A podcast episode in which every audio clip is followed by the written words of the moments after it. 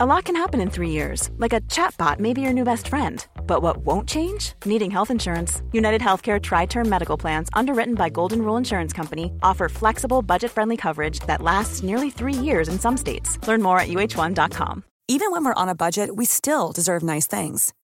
Quince is a place to scoop up stunning high end goods for 50 to 80% less than similar brands.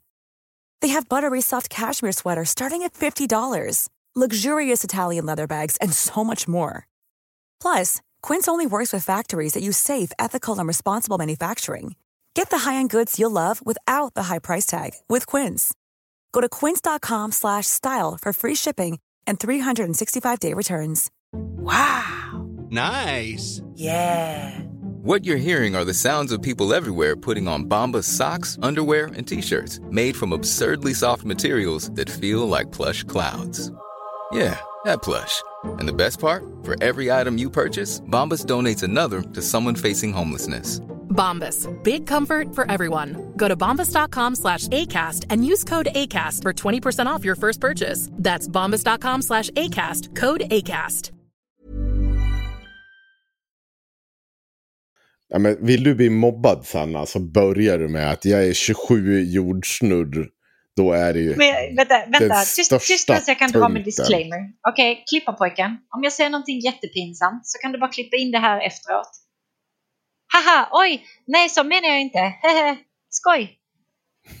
Okej, bra. Nu är jag garderad. Ja, nej, det är perfekt. Ja. Om jag säger något pinsamt, klippa, bara klippa pojken in det så är, det, så är jag safe. Mm. Ja, det blir strålande. Ja. Eh, det här är avsnitt 79 av Haveristerna. Vi har precis spelat in typ en och en halv timme om eh, Alexander Bards härdsmälta de senaste veckorna eller dagarna. Framförallt hans appearance på, i eh, Aron Flams eh, retarderade podd där han skämde ut sig ytterligare. Eh, och då som nu heter jag Axel. Henrik heter Henrik. Och Sanna heter Sanna.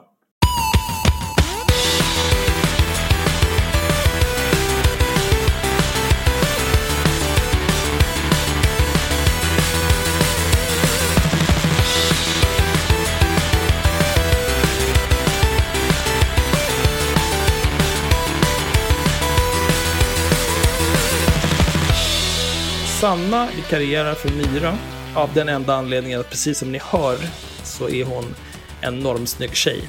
Det är enda anledningen. Jag tror inte de hör det. På grund av skånskan. Ja, inte fan är det på grund av dialekten i alla fall. Nej, precis. Att vi skulle ha mer talfel i den här podden, det vore superkonstigt. Mm. Ja, jag känner att vi riktiga människor är underrepresenterade numera. Det känns inte bra.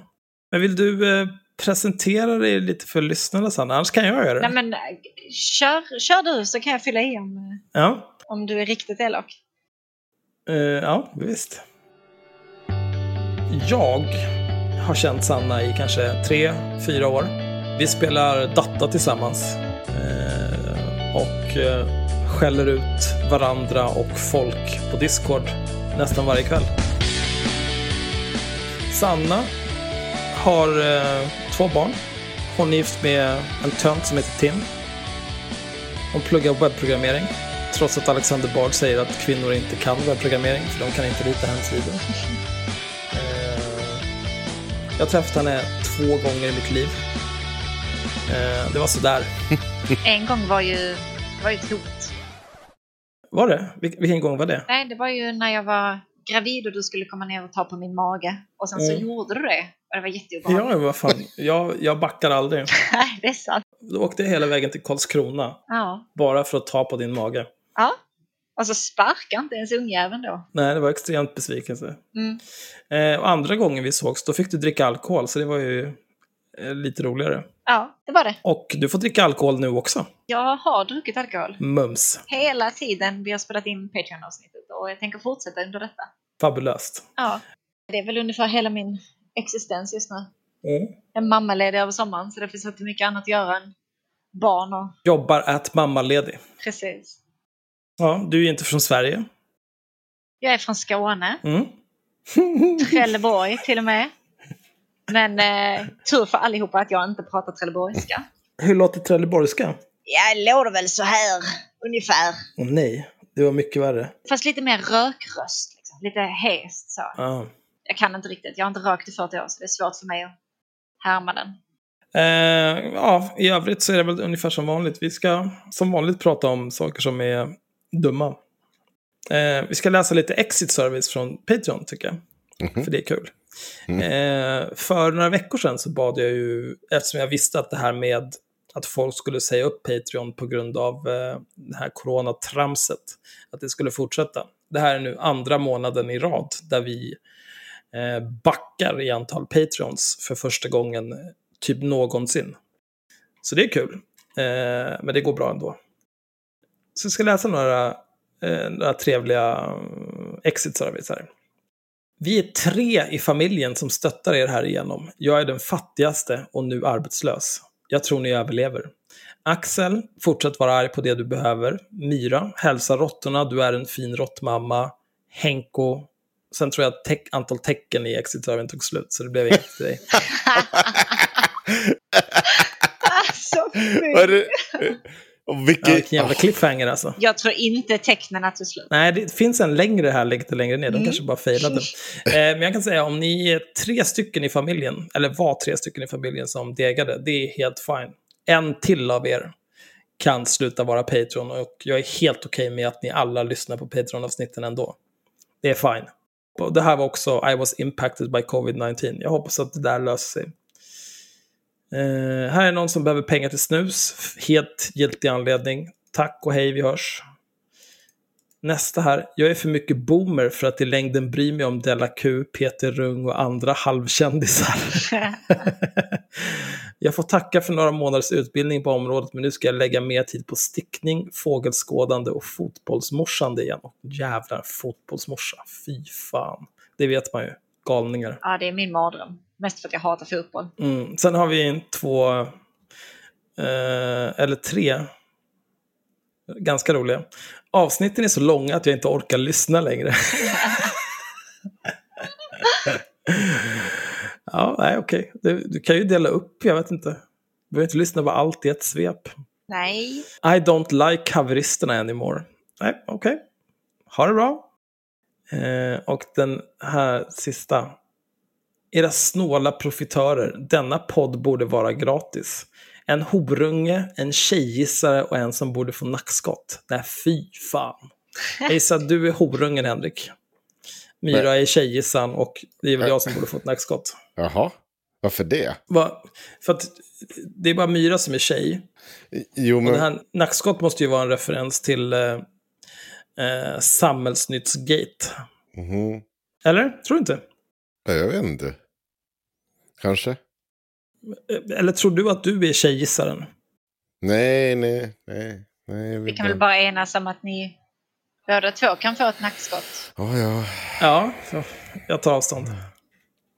Eller jag menar, jag polisanmäler. Men eh, jag vill bara påpeka här att den här podden är gratis. Jag vet inte. Det är ju helt frivilligt att vara Patreon. Du är jävla dum.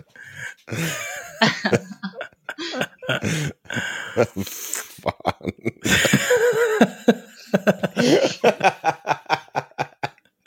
ja, köp bara. Ja, det var det. Sen, sen var de inte så roliga. Ja, okej. Men för all del, om, om, eh, om du är Patreon och tänker sluta vara Patreon, skriv gärna något roligt i exit-surveyn så gör du mig glad och skapar content. Mums. Gratis content, det är det bästa jag vet. Eh, vi har ju en hel del saker om att, att prata om här. Vi kan väl börja med att prata om vad vi har tagit upp i Patreon-avsnittet. Jag, jag sa ju det. Sa du det? Ja, men du kan ta det igen. Du har säkert mer att säga. Vi pratar en hel del om Aron Flam och eh, eh, vad heter han? Framförallt Alexander Bard. Och har en hel del takes på hur efterbliven han är. Vi behöver inte ta upp det. Kommer landa gratis på Flashback i slutändan till slut ändå. Så, att, Oj, är du bitter? mm, så är det. Men det blir bra. Det är bra content. Jag tror att vi har lyckats bra. Ja, Vi hade ju kul när vi spelade in det i alla fall. Så att det är... Mm. Så är det. Det här kommer bli lite av eh, lite förvirrande för lyssnarna. Eftersom vi spelade in Patreon-avsnittet först, men vi kommer troligtvis släppa det efter det reguljära avsnittet. Vilket gör att Sanna kommer vara fullare nu än hon är i Patreon-avsnittet. och mer varm i kläderna till skillnad från oss veteraner. Mm. Varför kallar du ut mig? Ni kommer väl också vara fulla? Det var det, det, Jo, var det, det, var det enda Sanna sa. Sluta, kolla inte ut mig. Nej, men jag... Henk Nej, men jag sa att han att- skulle somna så får jag skit för att jag kommer vara fullare än vad jag är i Nej, Patreon. nej, men det, det är ju... Jag, jag, tror, jag tror att det kommer bli en bättre performance ju mer du dricker. Ja, Mm. nej men visst. Och särskilt nu när du har en och en halv timmes praktis på att spela in podd. Nu vet du vad Alkoholen som har ju aldrig liksom. svikit mig tidigare. Jag vet inte varför den skulle göra det nu. Nej, alkoholen min bästa kompis som aldrig har gjort mig illa skadat mig. Ah. Den har aldrig huggit mig i ryggen. Jag måste fråga dig Axel. Hur länge ska du skicka den här telefonförsäljare kan brinna i helvete längre fram i våra dokument? För det här har stått i våra dokument nu i typ vad är det, tre, fyra avsnitt någonting. Som du bara copy-pastade vidare. Jo, jag, måste ta, jag måste orka ringa den här jävla Rickard Blom som är vd för det här pissföretaget och skälla ut honom. Men jag kommer Okej. aldrig orka göra det. Ja, du kommer men inte jag kommer det. fortsätta skicka. Nej, men jag kommer göra det. Jag kommer, Nej men jag, det- okej. Ja, Nej, men jag kommer göra det. Du, Ja, förlåt. Håll, ta, det. du har dina egna jävla ämnen. Vad fan är det Ja, för skit? Nej, men det, det är bara... Det, det är ju inte en så viktig grej och den är inte tidskänslig heller, så det spelar ingen roll. Mm. Bara ringa. Alltså, ju, ju längre jag väntar, desto fler gånger kommer de här jävla horungarna ringa mig och lägga på när jag svarar. Alltså, hur fan. Vet du hur många gånger jag har varit på väg ut till Alvik för att bara bränna ner deras kontor? Nej. Nej, inga gånger. Ja, okej. jag vet inte, är det någon av er som har några önskemål på vad vi ska börja med? Jag har ett annars. Jag börjar du. Kör. Okej. Jag tänkte att vi kunde prata om att Feministiskt initiativ för ett par dagar sedan hade ett samtal Mm. som var extremt retarderat. Var samtalet så retarderat? Så. Det var inte jätteretarderat. Det var inte ett sägande och meningslöst. Ja. Det var den enda jag, jag, vi kan ju gå igenom vad det var. Eh, livesänt samtal, hur motverkar vi strukturell rasism? Mm. Eh, det var den 22 juni. Idag är det den 27 juni. Och det här var ett samtal som de skulle ha i samarbete med ABF. Och de livesände det på Facebook. Mm. ABF Stockholm till och med. Mm, de kan dra åt helvete. Någon känner sig för att vara superskyldig. Om, någon, om någon vill ta ansvar. Ska vi se om man kan hitta deltagarlistan. Kan man få den någonstans eller? Ja. Nu har jag den. Eh, de medverkande var Farida Al-Abani, partiledare för Feministiskt initiativ. Mm. Kitimbwa Sabuni, ordförande för Afrosvenskarnas riksorganisation. Leandro Sklarek Molinari kanske?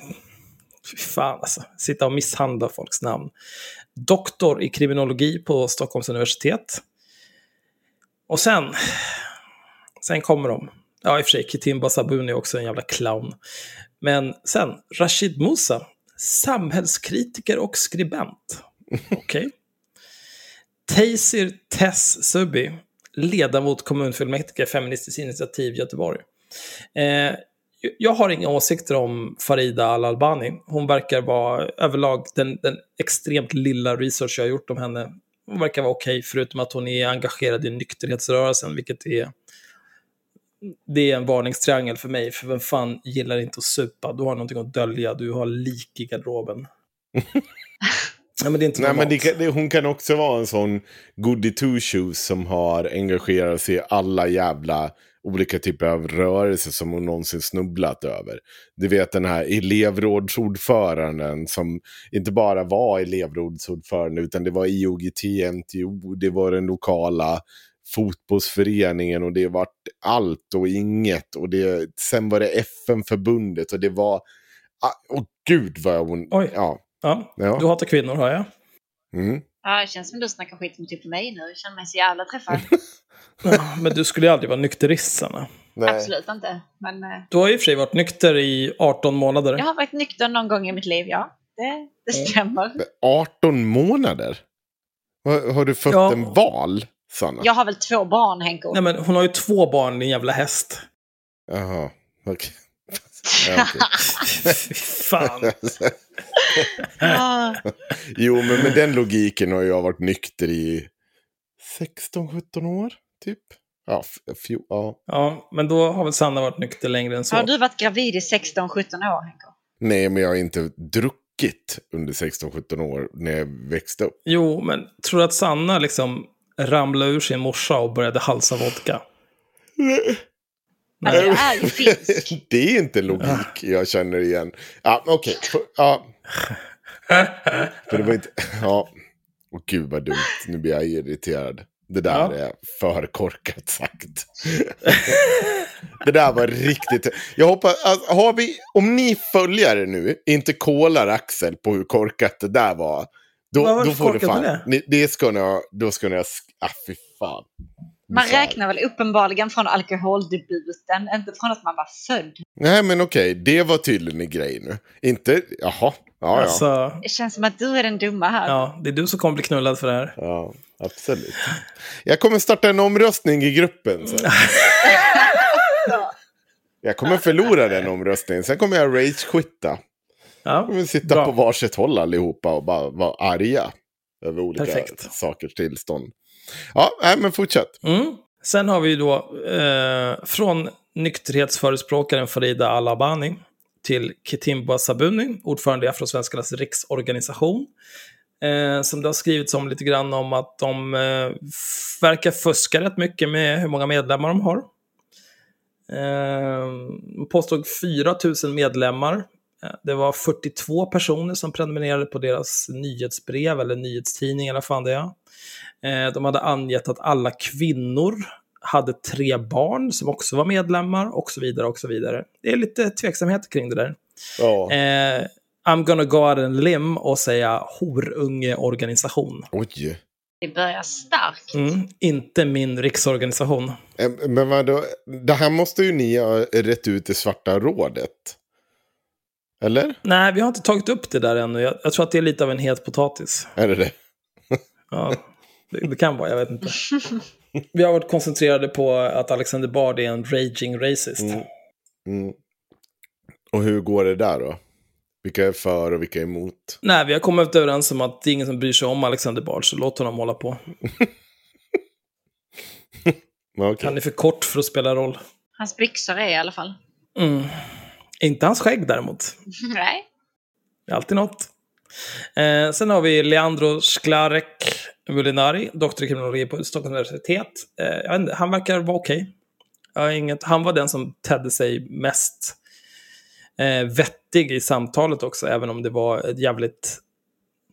Det var alltså tekniskt undermåligt och jävligt hattigt och dumt överlag.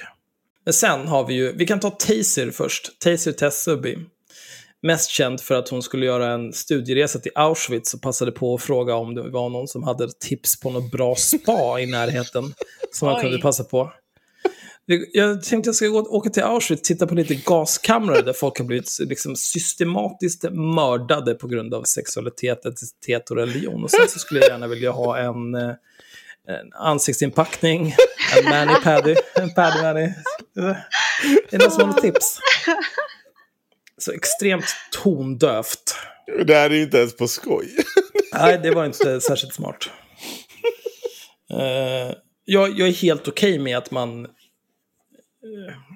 man åker någonstans, man åker och gör någonting som är liksom profound och viktigt och historiskt och liksom en djup grej. Och sen efteråt kanske man eh, går ner på klubben, super skallen i små bitar. Man kanske eh, går till ett spa. Det, det är helt fine. Men du får liksom tänk till hur fan det ser ut. Ska åka till Auschwitz, är det någon som har tips på spa? Vad fan håller du på med? Är du dum? Mm. Riktigt jävla efterblivet alltså. Och sen har vi såklart Rashid Musa. Det förvånar mig att man bjuder in en rasist som Rashid Musa till ett samtal om rasism. Ehm, jag tänker att varför tog de inte bara med Alexander Bard istället? Mm. Om det liksom, de vill ha någon, en, en rasist synvinkel på det här. Eh, och anledningen till att Rashid Musa är rasist, vill du ta det Henrik kanske?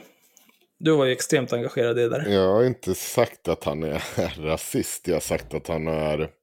Ja, han har vissa tveksamma tendenser. Oj, här är vi försiktiga. Mm. Är du rädd för att bli stämd för förtal? Nej, absolut inte. Utan det är bara att när vi har pratat om det tidigare så har jag pratat om hur han har försvarat olika typer av islamister, eh, homofober, antisemiter och så vidare. Det var typiskt någonting som en rasist gör. Jo, men han har inte sagt det. Alltså, det är inte så att jag kommer eh, kunna lyfta fram ett citat där Rashid Musa säger så här att judar, det är en liten grupp äckliga jävla långnäsor. Nej, nej. Det kommer jag inte kunna finna. Han har varit ordförande för en organisation som har bjudit in homofober, antisemiter, sexister. Eh, En organisation som har haft direktöversatta texter från Muslimska brödraskapet där man har sagt att kvinnor, de ska inte ha samma rätt att skilja sig som män har. För att de är lite känslostyrda djur. Vänta, vad känner vi igen det här ifrån? Är det någon som har lyssnat på vårt Patreon-exklusiva material med Alexander Bard? Ja, där finns det beröringspunkter. Ja, det finns beröringspunkter här. De, de, de liknar varandra ganska mycket. Mm. Det är väldigt mycket satt i sten hur kvinnor ska vara, hur de är och vilka roller de har i ett samhälle. Och, och, det, det, och så kan man försöka dölja det i att ja, men i ett pat, eh, eh, matriarkalt samhälle så är det kvinnan, hon styr väldigt mycket. Men vad är det kvinnan styr? Ja, just det, det är att hon står där runt spisen, kukar ur sig ungar och har det bra. Enligt dem. Kukar ur sig ungar. Ja, ja, men du får kalla det vad du vill. Men vi vet ju fortfarande att det är ju en bunt gubbar som sitter och tycker att det här är fantastiskt. Bara kvinnan står där. Och så kan vi andra sitta... Ja, ja, nej. Alltså jag, jag skulle säga att jag... Eh, det är svårt när någon är eh, liksom antisemit. Eh, eller om man bjuder in antisemitiska, homofoba och sexistiska talare till sin organisation där man är ordförande. Det är svårt att ge en, en, en bra benämning på vad man ska säga en sån person. Men jag har experimenterat lite grann. Eh, och jag tror att horunge är nog det lättaste sättet att, att benämna den som person. Mm. Ja, absolut. Rasistisk horunge kanske? Nej, men men det, det- det är ju, rasism är ju horungebeteende, sexism är horungebeteende, homofobi är horungebeteende. Så det är, han är en Det är ett horunge. himla stort paraply det här, horunge. Ja, det är ett stort tält, alla får plats. Rashid har funnits med där i Sveriges unga muslimer. Han har varit deras främsta företrädare i och med att han har varit ordförande för organisationen. Han är också den person som har försvarat Sveriges unga muslimer när de har blivit av med bidragen. Det är han som har drivit tesen att ingenting av det här stämmer. Det är en rasistisk myt att vi Eh, vi blir påhoppade av svenska staten. Och det har varit oavsett vilka bevis vi, alltså svenska staten har lagt fram. Att det här verkar ju konstigt att de här personerna har rest till Syrien och varit i IS. Det här verkar konstigt att ni har bjudit in den här jävla antisemiten och den här jävla anti, eh, homofoben. Och det här har ni inte betalt in bidrag som. Det här verkar det inte finnas någon organisation. Och när man lägger allt tillsammans så verkar ni vara en ganska jävla skum organisation. Det handlar Mm. inte om att Sveriges unga muslimer, de faktiska unga muslimerna i Sverige, som kollektiv grupp har betett sig illa. Utan det handlar om att ni som kallar er Sveriges unga muslimer, som påstår att ni representerar alla dem, har betett er som en bunt jävla idioter. Ja, det där är ju också någonting som är, kan vara bra att nämna, att eh, Sveriges unga muslimer, det är ju ett väldigt... Eh, jag hade inte valt det namnet. Det hade Ja, jag. jo, du hade gjort det, men det är för att du är dum.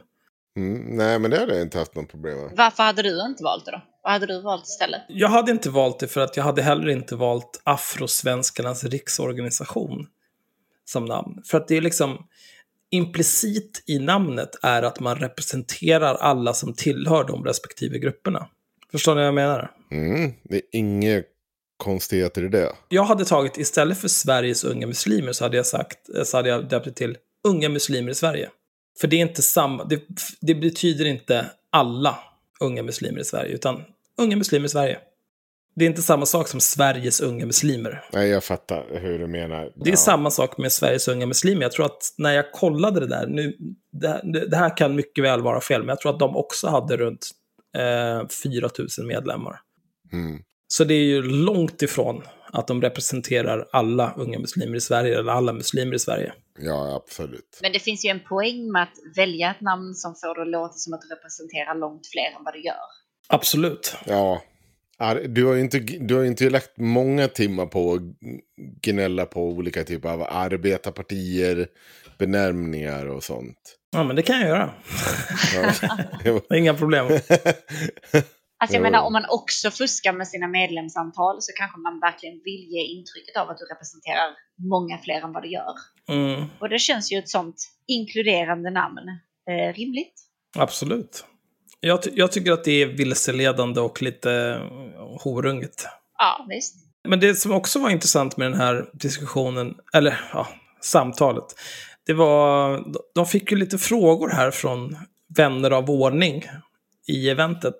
Eh, Hur det kommer sig att de bjöd in Rashid Musa som, som har den här historien av att som ordförande för Sveriges unga muslimer bjuda in antisemiter, homofober och sexister som talare. Här är en Henrik Johansson som har kritiserat det här. Vem är det? Ja, det finns också en Axel Luo Öhman här också som ställer frågor kring varför man bjuder in en antisemit för att diskutera rasism och så vidare. Eh, och då hände det lite spännande saker. Helt plötsligt försvann våra kommentarer. Det var konstigt. Eh, och sen så var det väldigt många människor som påpekade att så här, varför eh, försvann de här kommentarerna? Vad är det som händer här? Och då menade Feministiskt initiativ, officiella kontot för Feministiskt initiativ som har det här eventet, de menade att det här berodde på en, en, ett tekniskt misstag. Oj. Att de råkade dölja alla kommentarer som kritiserade att Rashid Musa hade blivit inbjuden till det här samtalet. Det är spektakulärt, skulle jag vilja säga. Och sen så höll de fast vid att det här var ett tekniskt misstag, det var inga konstigheter, det var inte alls som att vi försökte tysta ner det här. Eh, eh, men, men då, då så här, ah, nej, men då, nu ska vi ta emot alla kommentarer här och åsikter och vi ska ställa de här frågorna om det finns tid till det i samtalet. Jag lyssnade på hela samtalet. Det var en timme av rappakalja. Eh, de frågade inte Rashid Musa någonting om varför han tyckte att det var rimligt att bjuda in antisemiter, homofober och sexister som talare när han var ordförande för Sveriges unga muslimer. Eh, och jag kan, jag kan tycka att det är intressant att Feministiskt initiativ som saluför sig som Sveriges enda liksom, progressiva parti och det enda riktiga feministiska partiet väljer att bjuda in någon, precis som du sa Henrik, som har varit ordförande för en organisation som direkt översätter texter från Muslimska brödraskapet som i princip utmålar kvinnor till att vara någon slags avelskor. Jag vet inte om det går i linje med den feminism som Feministiskt initiativ säger sig stå för. Men tydligen. Och det enda jag har att säga om det här är att Rashid Bosa, du är en jävla horunge, du kan dra åt helvete. Feministiskt initiativ, ni är horungar, ni kan dra åt helvete. Jag ska ta upp eh, just den texten bara lite snabbt. Eh, Vi kan ta all den här antisemitismen och homofobin. Eh, vi, kan, vi kan skippa den Mm. eh, för en sekund. Jag ska läsa den här texten till viss del. Eh, rubriken heter eh, Jämställdhetskampen gynnas inte av samarbete med reaktionära. Och då står det så här. Sums grundsyn på kvinnan och hennes mest väsentliga roll är att mor och hustru, det är för att, eh, det är för att forma nationens framtid. Och så citat nu. I västvärlden har man och mer, och mer betonat kvinnans yrkesarbete och karriär som det viktigaste. Det viktiga arbetet med att ta hand om hemmet och uppfostra barnen ses som en bisyssla som man ska hinna med ändå. Islam lyfter istället fram arbetet med att uppfostra barn som en livsviktig roll som till stor del formar nationens framtid. Det här är ju 110, det här är ju Sverigedemokraternas principprogram Ja, ja, absolut. om och om igen. Det är, det är liksom så här, det är, det är ju kristendom, det är allt det här reaktionära mäns, så här, du ska stå där hemma och forma nationen som kvinna. Men då säger de också så att eh, trots att man gång på gång i texten betonar män och kvinnors jämställdhet är Sum glasklar över vem som styr hemmet. Nu är det citat. Mannen är ansvarig för försörjning, beskydd och generellt ledarskap av familjen. Ledarskapet ska dock ske i godhet och efter samråd. Och Det här är ju intressant, att du hela tiden ska samråda med din hustru. Det betyder ju inte att du ska lyssna på din hustru. Om det gifta par inte är till, till freds med sitt förhållande ska man enligt SUM i första hand blanda in släkten för att medla. Och det där vet ni ju, att det vore ju bra om Tims mamma kom och berättade för dig sen att du hade fel om den där saken som ni var oense om. Ja, det här var fint. Ja, ja det var ju toppen. Men om inte släktens inblandning inte räcker så finns det faktiskt möjligheter att kvinnan skiljer sig ändå. Förutsatt att mannen till exempel blivit impotent. Eller att en sådan klausul finns inskrivet i ett bröllopskontrakt. Mannen behöver i sin tur bara skiljas. Formen för ett äktenskapsupplösning innefattar A. Ett genomförande baserat på en gemensam överenskommelse. B. Mannens initiativ. C. Hustruns initiativ. Om det finns inskrivet i hennes äktenskapskontrakt. Notera det. Mannen får säga nej. Kvinnan får det inte om inte det har liksom kommit in i kontraktet. D. Domstolens beslut på hustruns initiativ med legitim anledning, till exempel att mannen underlåter eller inte klarar av att försörja sin fru, fru impotens eller misshandel. Perfekt. Mm. Det låter jättetrevligt. Ja, superprogressivt framför allt, tycker jag säga att det låter. Mm. Och det ska man komma ihåg, det här har stått på SUMs hemsida. Det här, jag har inte tagit det här från någon så jävla fundamenta, fundamentalistlära eller någonting. Utan det här är det de säger. Det är så det ska funka.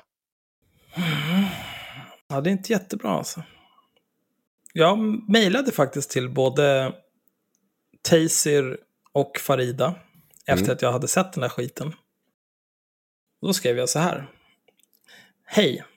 Eftersom vi, parentes, podcasten Haveristerna, slutparentes, tidigare har tagit upp Sveriges unga muslimer och hur de under Rashid Musas ledning många gånger fick kritik gällande uttalanden och ageranden, så hade vi tänkt att i ett framtida avsnitt ta upp att eh, Sveriges unga muslimer nyligen nekades prövningstillstånd i Högsta förvaltningsrätten gällande MUKFs beslut att inte tilldela dem bidrag då de, citat, brustit i kravet att respektera demokratins idéer, slutcitat. En ytterligare sak vi kommer att ta upp i samma avsnitt är det faktum att Feministiskt initiativ valde att bjuda in Rashid Musa till ett samtal om rasism, de citat, tekniska misstag, slutcitat, som ledde till att både mina och andras kommentarer som kritiserade Rashid Musas medverkan doldes. Överlag är det ganska intressant att ett parti som saluför sig som det mest progressiva partiet vad gäller feminism och jämlikhet väljer att diskutera rasism med en person som bjudit in talare som uttryckt, uttalat sig antisemitiskt och homofobiskt och som själv har underlåtit att agera mot antisemitism, homofobi och extremism i sin egen organisation. Som grädde på moset förespråkar sagda organisation att kvinnans roll i samhället bör återgå till vad den var under bronsåldern. Om någon av er eller någon annan från Feministiskt initiativ som varit delaktig i planeringen och beslutsfattandet kring det här samtalet är intresserad av att delta och diskutera ovan och mer med oss är ni välkomna. Eller ja, en av er. Det är jobbigt nog att spela in när vi bara är tre. Att spela in med fler än fyra deltagare kommer inte på fråga. Det enda som krävs är en dator, internetuppkoppling, hörlurar och någon slags mikrofon. Det ni använder till samtalet om rasism duger. Vi är relativt flexibla när det kommer till dag och tid, men kvällstid är att föredra. Haveristerna publiceras mig veterligen överallt där poddar finns, inklusive iTunes och Spotify. Avsnitten brukar passera 20 000 spelningar ungefär en vecka efter att de släppts. Vi har haft gäster förut och det kan låta lite olika. Här är de två extremerna. En rimlig person, länk till vårt samtal med Elsa Dunkels. En komplett idiot, länk till vårt samtal med Luai Ahmed.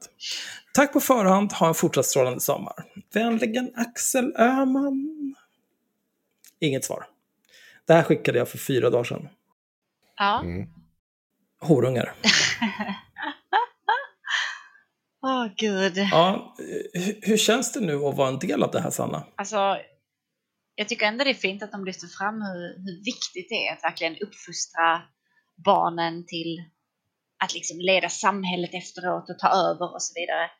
Men det är ju ingenting som, som männen ska göra. Så egentligen, hur viktigt kan de tycka att det är? Det känns lite som så här tröstpriset man fick liksom. Ni vet när man var långsammast i klassen. I så här tredje klass eller någonting. There was an attempt. Ja, men typ så.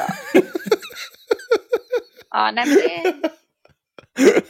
Ja, men sitter du här i hörnet, det är okej. Vill du äta lite mer lim? Eller är du nöjd med detta? Så känner jag mig. Ja. Nej tack. Är inte det också väldigt svenskt på något vis? Att, att man inte säger nej, nej men inte ska vi, inte ett första pris. Det är för deltagande gumman. Det, det blir bra så. Ta en bulle. Ta en bulle. Ja, jantelagen liksom. Men den gäller bara för kvinnor. Mm. Men vi har ju återkommit till det här. Jag tror att vi har tagit det i något tidigare avsnitt.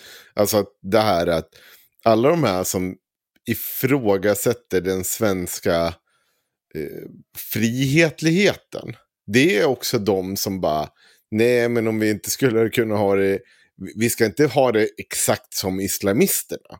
Men om det vore lite mer åt deras håll. Mm. Det vore bra. Tack. Alltså vi behöver inte hugga händerna av tjuvar, men ett finger. Nej. Ja, ja. Jo, men om vi, ska, vi, om vi inte ska vara så här tok slipper slope argumentet. Så är det fortfarande så att de här människorna säger att jo, men det är ju, det är ju lite kul med det här människor med att folk kan vara lite bögiga av sig. Men om de bara kunde stanna hemma och vara lite bögiga av sig så är det bra Mm. för oss. Alltså så här, det är okej. Ja, men om vi bara inte pratar så mycket öppet om det. Att det inte är så Mm. otroligt socialt accepterat att vara bögig. Då är det okej för mig. Och det ja, men vi bara tar det lite åt det hållet. Böga på du, men gör det i hemlighet. Liksom. Mm. Mm. Ja, det känns inte bra. Eh, det var väl egentligen allt jag hade att säga om det. Mm. Eh, Ja, det vart ju också en stor... eh, Det bästa med hela eventet var ju att det vart en så jävla elefant i rummet. Att jag var normals efterbliven när det kommer till att sitta och störa sånt där. Och bara vara...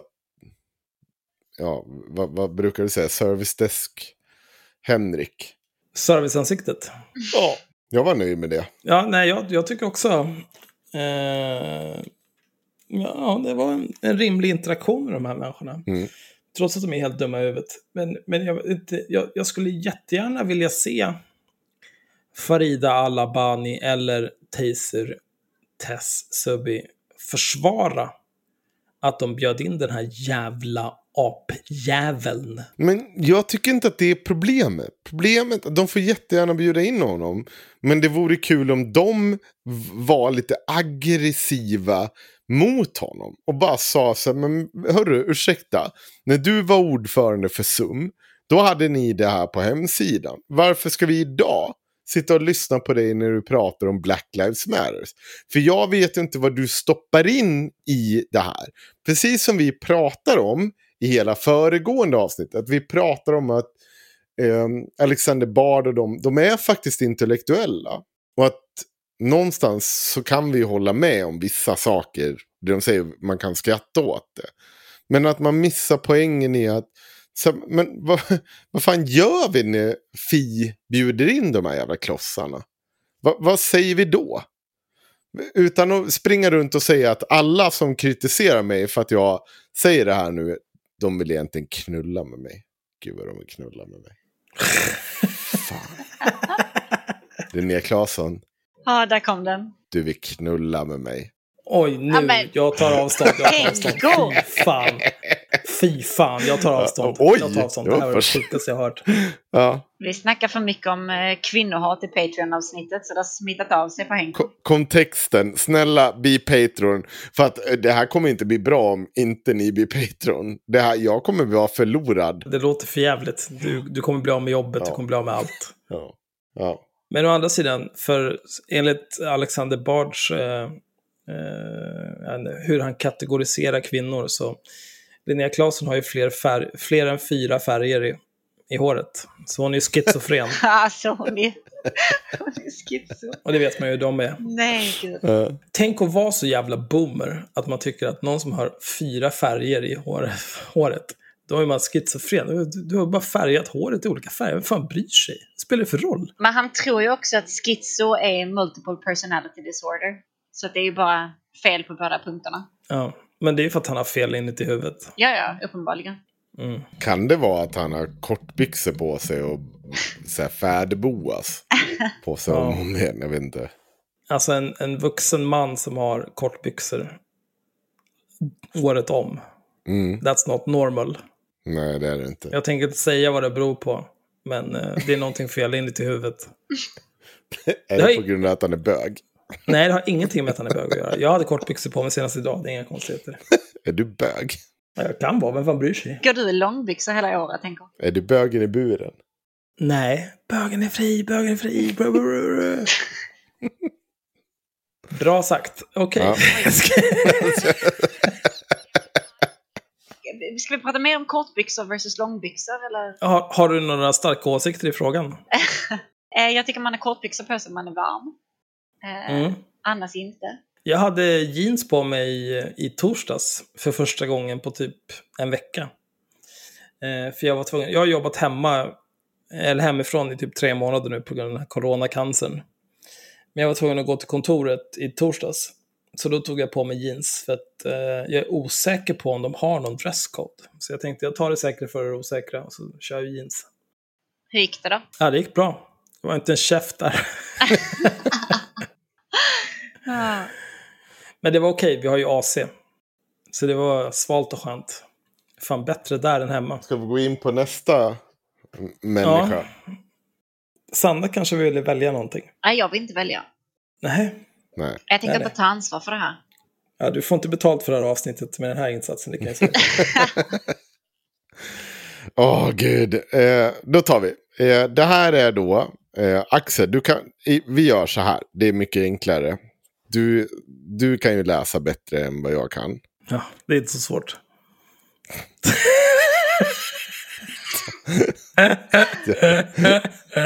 Blir inte jag tillfrågad för att jag är skåning? Är det vad som händer här nu? Ja, det, Jo, lå- låt Sanna, låt Sanna högläsa. Nej men gud, jag kan inte högläsa. Ingen kommer höra vad jag säger. Kör, kör nu, Axel. Nej. Jaha, nu helt plötsligt så har vi med bunt åsikter. Du är så jävla sjuk som skickade i chatten när du kunde ha lagt in det dokumentet. Ja, Va? Jävla as. Men det låg ju i dokumentet. Nej, det gjorde du inte. Nej, nej, det gjorde det inte. Nej, det gör jag inte just den. Men alla andra grejer ligger i dokumentet. Om du bara Jaha. så ska jag... Ja, okej. Ja. Ja. det är bara för att Henko vill verka bäst förberedd. Så han lägger inte in länkarna vi ska diskutera. Nej, det är bra. Mm. Du är superduktig. Tycker inte alls att ni är dumma över. Vill du läsa, Sanna? Jag kan göra det annars om du inte vill. Ja, nej men eh, läs du Axel, det är okej. Ska vi ta vartannat stycke? Alltså snälla. Okej, så här står det. En mördare på halsen. Porrindustrin livnar sig på att missbruka kvinnors och tjejers kroppar. Och som vid allt missbruk måste det till starkare retningar för att uppnå full effekt. Så när analsex blivit vanilj måste ett nytt kvinnligt hålrum exploateras. Den här gången är det andningsvägarna som laddas upp. Erotisk kvävning, eller strypsex som det kallas, har blivit det nya heta. Var det okej eller? Det är så... Ja, jag bara, vad fan är det som händer? Du sa att jag skulle läsa den, så jag läste den. Nej, Vill du ta det nästa ju- stycke? Nej, jag, ja, jag tar nästa stycke. Jag, bara, jag, jag, jag, jag är i chock över innehållet, inte eh, din performance. Du gjorde ett strålande jobb, Sanna. Jag är stolt över dig. Ja. Jag har aldrig hört strypsex kallas erotisk kvävning, men eh, Nej, color me intrigued. ja, det, det är väldigt, alltså bara här, allt missbruk så måste det till allt starkare retningar. Det, det känns som, Ja. jag vet inte, eh, sitter folk här och skjuter heroin eller vad fan pratar vi om? Jag vet inte. Och det är också alltså, så starkare retningar. Vad är det man pratar om då? Så när analsex blir ett vanilj måste ett nytt kvinnligt hålrum exploateras. Jag, jag, åh, gud, jag är övertygad om att hon var så jävla nöjd med den formuleringen. Absolut att hon var. Men jag vet inte hur analsex blir liksom en naturlig övergång till strypsex. Nej. Det känns som att de två inte nödvändigtvis är kopplade som att när du väl har prövat analsex. då- Jo, jo, jo, jo, jo, jo. De är kopplade av en anledning. Men om vi läser klart så Jaha. kan vi ta, ta itu Ja, det. ja. Du behöver inte brusa upp, Henrik. Ja. Fan vad arg. BDSM har flyttat in i salongerna och försvaras även bland feminister som sexuellt frigörande. Tjejer måste väl få experimentera och utforska sin sexualitet? Ja, självklart.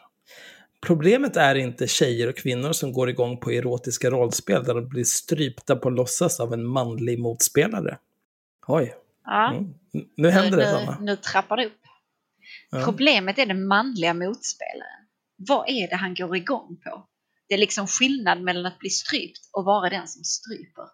Den som stryper utövar våld och det våldet riktar sig mot en extremt sårbar kroppsdel där livsnödvändiga organ sitter tätt ihop. Stryptag slår ut flera funktioner på en gång och strypskador är också en av de vanligaste dödsorsakerna hos kvinnor som blivit svårt misshandlade av män. Det finns, in, inga, det finns inga livsnödvändiga organ i halsen. Alltså, Jag vill bara, jag vill bara säga det. Alltså det finns, det finns eh, artärer och det finns luftvägar, men det är inte organ. nej. Men det, det är lite nitpickigt. Man, man kan väl argumentera att eh, luftstrupen är ganska viktig för lungorna. Den är viktig. Slår man sönder någons luftstrupe så blir det tråkigt för den personen. Är, är, det, är det någon av er som någonsin har hållit på med sånt här? Ja, jag kan, jag kan komma vittna om det, ja. Ja. Oj, Mm. Vill, ja, vill du göra det nu eller vill du spara Nej, det? vi, vi, vi sparar på det lite. Ja. Mm. Okej, ja men då tar jag sista stycket då. ja. Strypning är med andra ord en säker mordmetod. Och säkert... Alltså det är så dumt. Pausa inte där, bara kör, kör. Och säkert strypsex existerar inte, oavsett vilka stoppsignaler och gränsmarkeringar som parterna kommit överens om. Strypsex är för killar som tänder på att sexmörda tjejer. Det var starka ord alltså. Mm. Killar som däremot inte känner för att ta livet av sin sexpartner vägrar givetvis att angripa den centrala zon som styr andning och talorgan. Strypsex är därför ingen fråga för tjejer, det är en fråga för killar. Och de killar som vill köra strypsex med tjejer kan ju först gå och dränka sig. För det är så det känns att bli strypt. Nej, Fan vet inte alls. Men jag vill säga, det här är ju då skrivet av Unni Drugge, som är redaktör för Kvinnotryck, där det här är publicerat. Och jag vill säga att Unni Drugge har en jävligt baller halstatuering. Mm. Det har Men hon. det har hon. Den är fan grym alltså. Ja, det är den. Alltså det första jag reagerar på här är ju att det är tydligen bara en man och en kvinna som tillsammans kan ha strypsex. Ja, Så men, det är ju män som vill mörda kvinnor som har strypsex. Mm. Det är inte någonting annat. ja, det är ju... Jag, jag tänker att hon skiter väl i om eh, homosexuella män stryper varandra eller homosexuella kvinnor stryper varandra. För att det är väl på något vis på någon slags eh, level playing field. Ja, men så hittills har vi alltså kommit fram till att du kan böga om du gör det i hemlighet. Ja, Och strypsex är liksom inte en grej för er. nej. Ja, Så, Bra. så länge man är bög i hemlighet så är det fine. Då får ni göra vad ni vill. Stryp ihjäl varandra, analsexa varandra tills det slutar vara vanilj. Eller whatever, jag har ingen aning. Det här är, det här är ju så... Eh, ja nej men eh, ska Henko vittna här nu? Bikta kanske är Men bättre. Bikta, det, det är ju att... Eh, jag tror ju att det är en... För det första tror jag att det är en helt sinnessjuk bild av vad som är, precis som allting annat, vad som är strypsex. Eh, det är ju att så här, om du... Det jag har upplevt, två... Eh, behöver förklara en sak först. Jag är inte jätteförtjust i alltså så här, typ att bli strypt. Eller för den delen att strypa någon. Jag tycker att det känns väldigt, väldigt konstigt. Men jag har stött på mer än en gång i mitt liv kvinnor som vill att du trycker på liksom deras hals. Alltså så här, du behöver inte, det, det handlar inte om att du ska få dem att sluta andas. Utan att du ska trycka på den. Alltså typ ha någon typ av kontroll över dem. Ja, och, och att de gillar det. Det har varit en grej. Men och, som den senaste situationen när det har hänt. Så har det varit väldigt mycket så att hon har varit så här, nej nu trycker du för hårt. Eller så typ att nu får jag inte luft. Och så har hon markerat mot det. Och så har det varit en grej. Men det, när man har tryckt så har det varit så långt ifrån det här att du ska inte kunna andas. Sen har du ju du den här typen av människor som verkligen killar som sätter sig ner och har en snara runt halsen när de onanerar. För att det är någonting i som de tycker om med att hamna på gränsen och samtidigt onanera. Jag vet inte vad det är. Jag är inte bekväm med det. Men det betyder ju inte heller att varje gång jag har gjort det här och har varit med på det eller känt att det har varit en grej för tjejen som jag har varit med. Att det skulle vara liksom så här, nej nu, jag, nu, nu måste jag mörda dig. Nej, det är inte jättetaggad på det. Men det jag däremot blir taggad på, det är att om jag gör någonting som hon vill och hon går igång på det, det är väl klart som fan jag blir supertaggad på det. Det, det kan vara, alltså så här, bara att jag har lite problem med just så här, så att där måste man ju vara så noggrann med att du inte så här, skadar någon eller på något sätt. Men det, det, krävs ganska mycket för att strypa en person. Det ska vara mycket och jag har aldrig ens varit i närheten av det. Och jag tror att de flesta människorna som hamnar i, det, det är människor som tar tag om nacken, trycker så här, så det känns lite och sen, sen är det inget mer med det. Men det är de flesta som jobbar med det här. Som jobbar med det här? Nej, men som, som, ja men vad fan, som tycker någonting om, det är väl samma som hon säger det om, eller det som påstås som analsexen.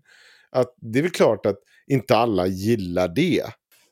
Men det handlar väl om hur man gör det. Och sen behöver inte alla... Så jag är ju en ja. förespråkare för att folk får lov att ha sex hur de vill ha sex så länge de ja. har det med en eller flera eller ingen partner som tycker detsamma liksom. Men äh, att det här att det är bara för killar som tänder på sexmördar tjejer och sånt, det känns ju lite väl svartvitt kanske. Tycker du det? Ja, ja men lite. jag skulle vilja förespråka en gråzon, men jag vet inte. D no. Jag vågar knappt säga det. För att hennes halstatuering ser ut som att hon kommer, hon kommer ta mig i en fight. Den här Unni Ja, alltså den är... Så jag vet inte om jag vågar ifrån. Jag är helt mesmerized av den där. Alltså, den är så jävla snygg. Jag blir fan skitarg när jag ser den där. Varför har inte jag en sån? Mm. Du hade inte klarat av det? Nej, jag har ett, jag, jag har ett jobb. Jag är inte miljardär som Unni Drugge. Men, nu, nu pratade vi om nyanser och sånt. Och då tänker jag att då går vi in på nästa. För att det här, den här eh, krönikan av Unni Drugge, den sker ju inte heller i ett vakuum som allting annat. Utan de, kvinnotryck har ju tittat närmare på det här. Vad är kvinnotryck? Det är någon typ av feministisk tidning. Jag vet inte vad det är. Men det är någon typ av sånt. Nej, alltså jag, jag förstår ingenting. Jag försöker hitta någon så här om oss eller liknande, men det verkar inte finnas. Nej, det, det är någon typ av feministisk tidning. Men i alla fall, eh, inzoomat står det här. Och det är då på samma ämne. Tro inte ett skit på strypromantik. Det är ut, alltså med utropstecken eh, rubriken på den här artikeln. Mm. Det är Unni Drugge som har skrivit den också. Och så skriver hon så här. Ingress. Den mördade sanningen om strypgrepp, annöd och död. I modern rättsskipning kan män tortera ihjäl kvinnor av misstag. Håll andan, läs och rys. Oj, alltså det, det där är ju lite konstigt. Ja. För att Alltså det är ju väldigt eh, alltså, så sensationssnaskigt. Ja. Ja, nu ska ni få höra om män som torterar ihjäl kvinnor av misstag. Håll andan som att någon ströp dig och du inte kunde andas. Läs, sitt där och rys och känn välbehaget. Så, fan, du stryper. Det är han som, som Myra alltid pratar om, Jonathan Alfven eller vad han heter om, som alltid ska berätta om en våldtäkt med lite för mycket inlevelse. Uh -huh. det. det är någon Extremt som bara... grafiska beskrivningar av liksom våldtäkter på barn som man ska prata om. Vad fan. Och man bara, jag tycker det här är jättedåligt. När en treåring får ett finger upp i rumpan samtidigt som kuken upp i fittan och allting Oj. är ja, väldigt grafiskt. Ja, ja. Jag tar avstånd från det här. Här står för övrigt att kvinnotryck ges ut fyra gånger om året av ROX. Riksorganisationen för kvinnojourer och tjejjourer i Sverige. Ja, det är klart. Ja, det är klart det är. Det, ja, det blir inte bättre. Deras sådana här huvudrubriker rimmar oftast. Till exempel alla runt omkring märker ingenting. Eller vi Life is full of what ifs. Some awesome. Like what if AI could fold your laundry? And some, well, less awesome. Like what if you have unexpected medical costs?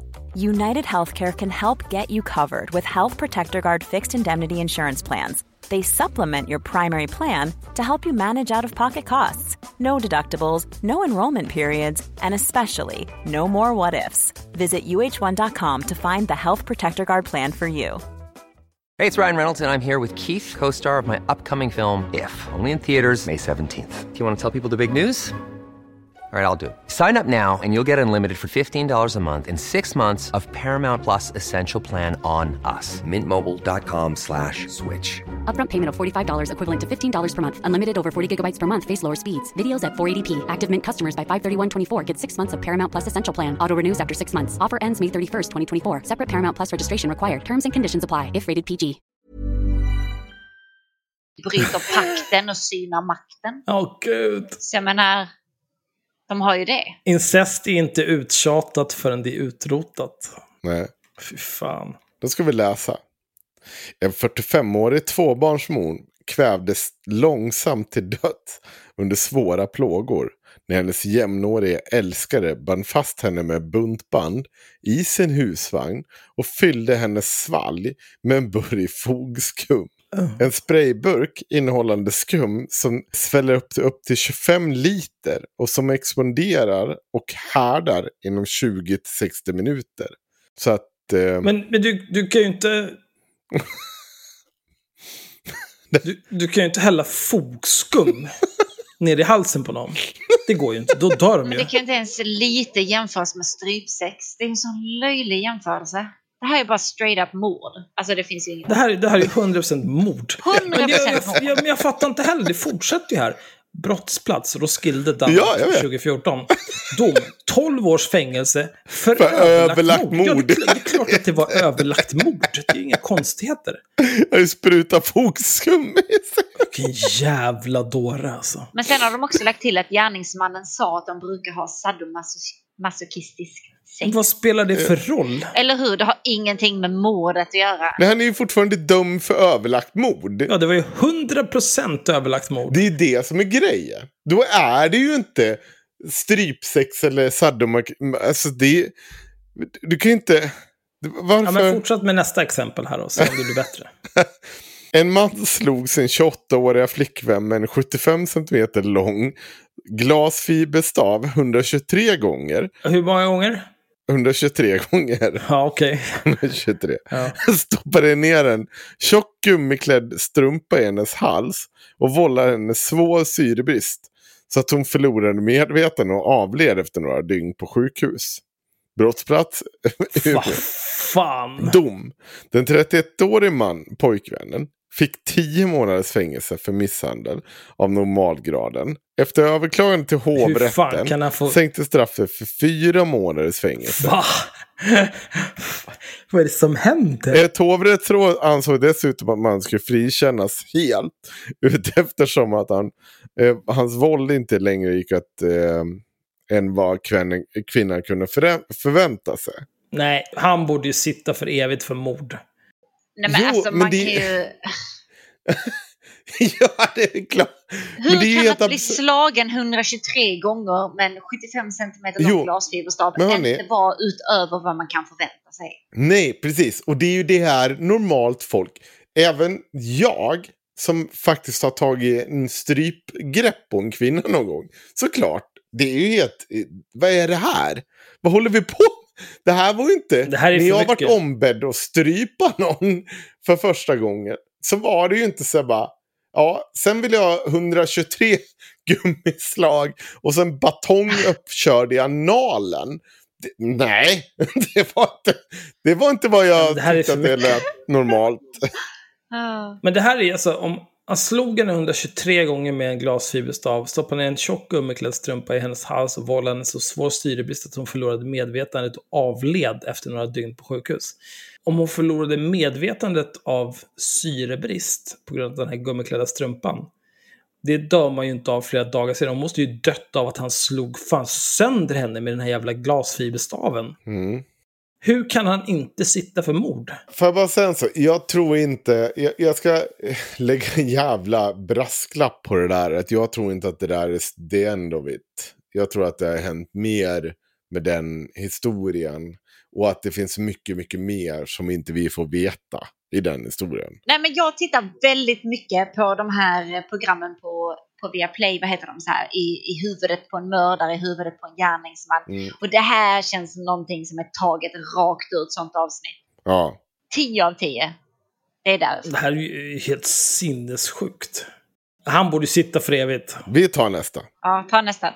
En man som brukade trycka en kniv mot strupen på tjejen han hade sex med skar av halspulsådern på en 21-årig tjej han nyss träffat medan de låg med varandra. Och det här är i Hull, England 2018. Dom, sex års fängelse för vållande till annans död eftersom förövaren hade för vana att hålla kniv mot halsen även på tidigare sexpartners utan att han hade dött betraktades mordet på 21-åringen som ett misstag, det vill säga en sexlek som gick snett. Nej, nej, nej. Mord? Jag köper det här faktiskt. Mm. Nej. Men, Du är dum i huvudet. ja, men, nej, men jag köper det. Nej, men jag köper det, men samtidigt. Han borde skjutas i huvudet ändå. Ja, ja. För det, där, är- det, där är inte, det där är inte normal alltså. Det där är för dumt. Det är för dumt. Det är inte normal. Ja, men det varför skulle han vilja mörda någon han precis har träffat? Ja, Vad, vad skulle syftet med det vara? Du behöver se mer på de här programmen på Viaplay. Alltså om man, om man ska mörda någon ska du mörda någon du inte har någon som helst koppling till. Om jag går och mördar Tim, då kommer jag hamna i fängelse för resten av mitt liv. För alla kommer bara, ja men hon behövde ju bo med den jäveln. Jag tar hand om barnen. Nej, det gör, det gör du ju verkligen inte. Om du tycker att det här är Va? ett misstag, förstår du väl? Du är sjuk i huvudet. Nej, nej okej, okej, jag kan gå med på så här. Det skulle kunna vara ett misstag. Eh, men å andra sidan, om man känner så här, jag behöver ha en kniv mot strupen på, på den jag ligger med för att jag ska kunna prestera, för det måste ju vara något sånt. Han, kuken funkar inte om man inte får eh, mordhota de här människorna. Ja, varför har han inte sökt hjälp? Då, då är det ju också så här, det kan ju vara att han sakta men säkert har tagit sig från att så här, rycka vingarna av flugor, sprätta upp råttor och katter, eh, hålla en kniv mot halsen på tjejer han ligger med till att till slut skära halsen av någon av dem. Det är, jag går med på det. Han, eh, oavsett, jag skiter i om det var ett misstag eller om det var med flit. Han borde vara inlåst för resten av sitt liv för att han ska inte vara ute bland folk. Kan ni tänka att gå hem med någon från krogen eller? Och sen bara, ah, nej men jag måste ha en kniv mot din hals för annars kan inte jag komma. Eller få upp It's den. gonna be a pass from me dog. Alltså. Ja, Där, ja, tack men nej tack. Jag, jag tänker inte läsa igenom alla domar, men jag tänker ta den sista nu. En 27-årig nyzeeländsk man gick på Tinder-dejt med en ung tjej från England. Som nyss tagit examen och var på jorden runt-luff. Efter en barkväll gick, den, eh, gick det hem till mannen och medan de hade sex ströp han henne till döds. Mannen tog trofébilder på den döda tjejen, kollade porrfilmer med, en, med stryptema, avtalade en ny Tinder-dejt, googlade på köttätande fåglar, köpte två stora resväskor, la liket i den ena och dumpade kroppen i ett otillgängligt träskområde. Hade han inte dödat henne skulle hon ha fyllt 22 den dagen. Efter en vecka hittades kroppen och mannen kunde häktas då det fanns övervakningsfilmer med honom och tjejen han skulle döda. Brottsplats Auckland, Nya Zeeland. Dom 17 års fängelse för mord. Mycket tack vare de digitala fototrycken förövaren lämnat. Men det hindrar inte han att försvara, eh, försvara från att hänga ut smaskiga detaljer om det mördade flickans intresse för BDSM-sex och låta ex-pojkvännen vittna inför en hel värld om att hon föredrog sex med våldsinslag. Förutom sin ofattbara sorg fick således föräldrarna genomlida en offentlig skamning av sin sexmördare dotter. Som dessutom fick bära en del av skulden för att hon, likt många andra i hennes ålder, experimenterar med sexuella rollspel. Men nu, nu får hon ju bestämma sig. Ja. Dels en sak. Eh, hon skulle ha fyllt 22, hon var 21 Mm. alltså. Vanligtvis så skriver man ju flickan när det är någon under 18. Mm. Och kvinnan över 18. Så det här är ju ett tydligt ställningstagande för att liksom försöka få det här att verka värre än vad det är. Sen, eh, med det här offentlig skam, vem fan bryr sig? Men detta här känns som typ den, alltså så här, en jättehård variant av, ja men vad hade du på dig egentligen? för att du kanske förtjänade att bli våldtagen. Ja, absolut. Men För, ja, men hon gillade sex med våldsinslag så kanske hon skulle bli strypt och sen lagd i något jävla träskområde i en resväska. ja, det finns vissa Alltså- som tänder på att bli mördade och lagda i träsk. Ja, nej men visst. Absolut. Men det där är ju... Eh, alltså försvarsadvokatens jobb är ju att, att, att göra allt hen kan för att få sin klient friad. Det, det är inget konstigt. Sen att det på något vis kan ha, ja, liksom bli så här, ja men eh, om du inte ville bli våldtagen, varför var du klädd som en hora? Det är ju extremt CP. Hur bitter är den här ex-pojkvännen som går in och vittnar om att hon föredrar sex med våldsinslag? Ja, han är... Eh. Men det är också så här, den här offentliga skamningen. Vad är det för skamning med det? Att om den mördade flickans intresse för BDSM-sex. Det, det, och låta en ex-pojkvän vittna inför en hel värld om att hon föredrog sex med våldsinslag. Jag tycker inte att det är något fel med det. Det är väl ingen skam med det. Det är ju bara de här jävla moralisterna som tycker att, åh vilken jävla subba. Jag skiter väl i det. Hon, hon har ju blivit mördad av den här jävla psykopaten. Ja, Det är det som är problemet, att hon sen, om hon gillade någon typ av BDSM-sex med våldsinslag, det skiter väl jag i. Det är hennes problem. Ja, Och det är också så här, jag- jag ser inte riktigt problemet heller med att det här har hänt. Det här är ju uppenbarligen en total jävla galning. men det är också varför är ens hennes sexpreferenser med här? Alltså Nej, det är så det- sjukt för att det är uppenbarligen inte hennes sexpreferenser som har lett till det här utan det är den här sjuka killen som bara... Nej, det är hans mordpreferenser som har lett till det här. Ja, Sen att hur hon gillar att knulla, det spelar ingen roll. nej. nej. nej ja. Men det är också så här, vad är det här för exempel? Han fick ju 17 år i fängelse för mord. Han borde ju sitta för evigt. Men eh, 17 år fängelse för mord, det är väl ändå... Ja, ja. Det är väl rimligt. Man får hoppas att någon bara slår ihjäl honom när han kommer ut. Jo, men det är också mer, i, alltså så här, i, i Sverige så är ju inte det det vanliga, så att säga, straffet. Eller? Jag vet inte vad det vanligaste Jag har ingen aning. Nej, men det, det brukar vara lägre. Nej, men vi måste ju läsa den här också. Den här. Mycket. Den, nej, men den här. En 38-årig multimiljonär lät sin 26-åriga sambo ligga död i en, pool, en pöl av blod nedanför trappen i huset där även hennes 8-åriga dotter bodde. Flickvännen hade över 40 kroppsskador, däribland ett djupt vaginalt sår som perforerat inre organ och en krossad ögonhåla. Förövaren hade också hällt blekmedel över hennes ansikte. Vad fan är det här för människor? Efter att han intagit sin frukost ringde han polisen och uppgav att flickvännen var död som en donut. Han sa att skadorna uppkommit om de hade haft våldsamt sex som hon föredrog. 2016 i England. Tre år och åtta månader för vållande till annans död. Domarens ord. Uppenbarligen fick brottsoffret sexuell tillfredsställelse av att bli riktigt hårt slagen. Men fick hon, till, fick hon sexuell tillfredsställelse av att bli mördad? Vad fan är det här? Det är så jävla alltså dumt. han åt frukost innan han ringde och sa att hon var död. Alltså, det är bara att slå Någonting- ihjäl honom. Slå ihjäl honom bara.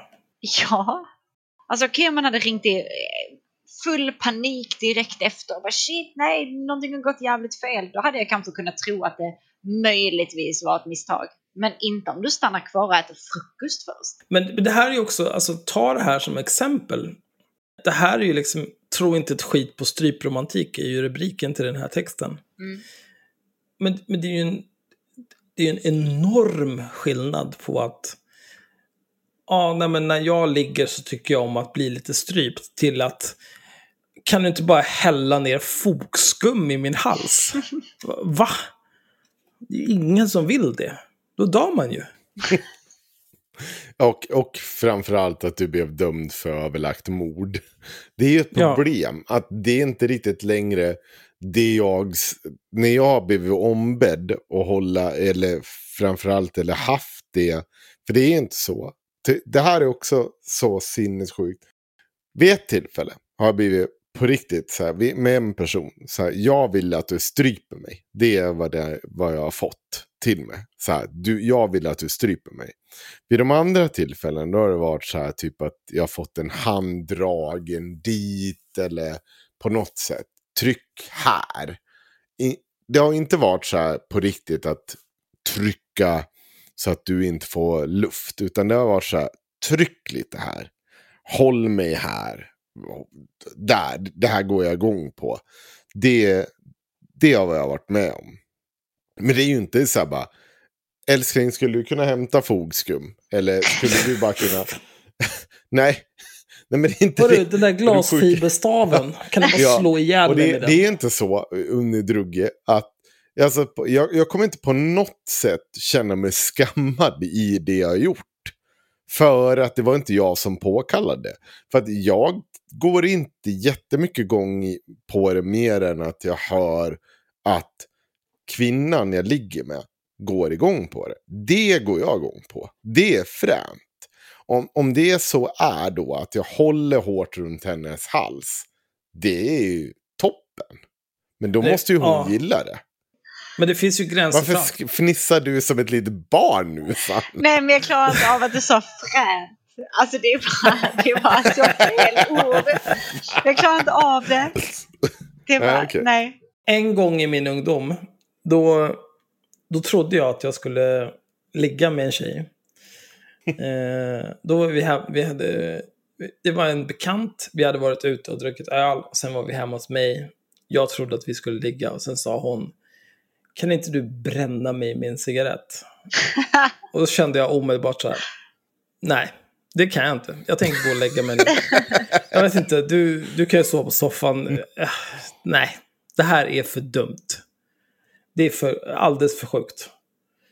Alltså jag, jag är så himla, alltså så här, på, på ett sätt är det ju så, om du har ett one night stand, du drar hem någon från krogen, skitsamma, då kan man vara lite extra, lite extra liksom, för att du kommer kanske inte träffa den här personen igen och så vidare.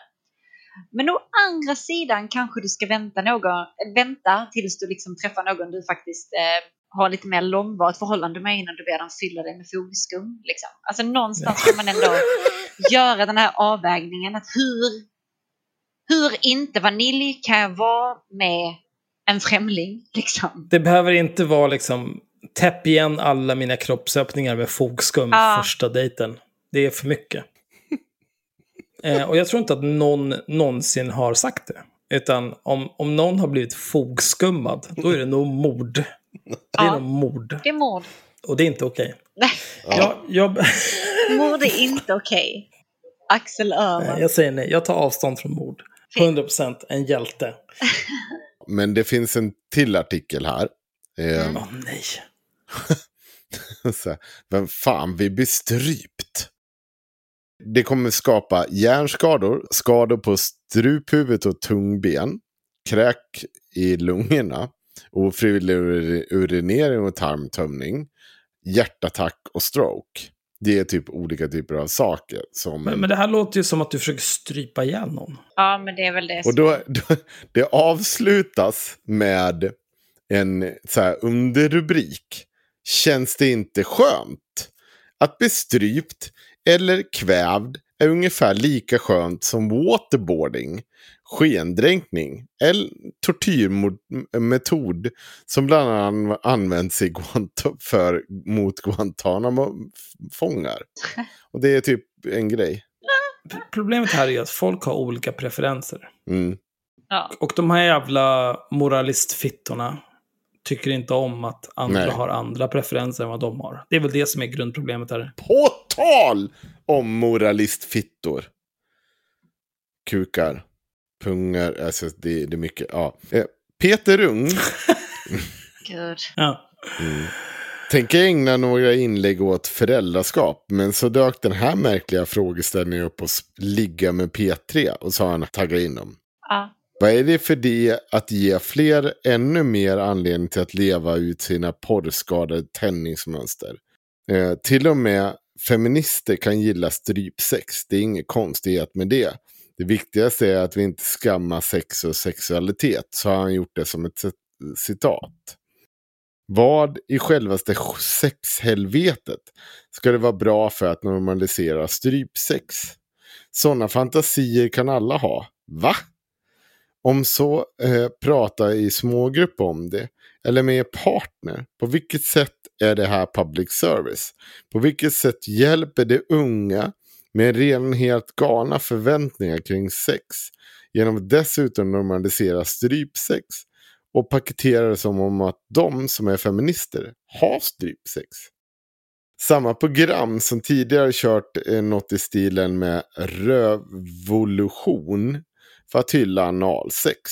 Som att det skulle finnas för att få oönskade fingrar i analen. Eh, WT slash i självaste F. Va? Peter i Sveriges Radio.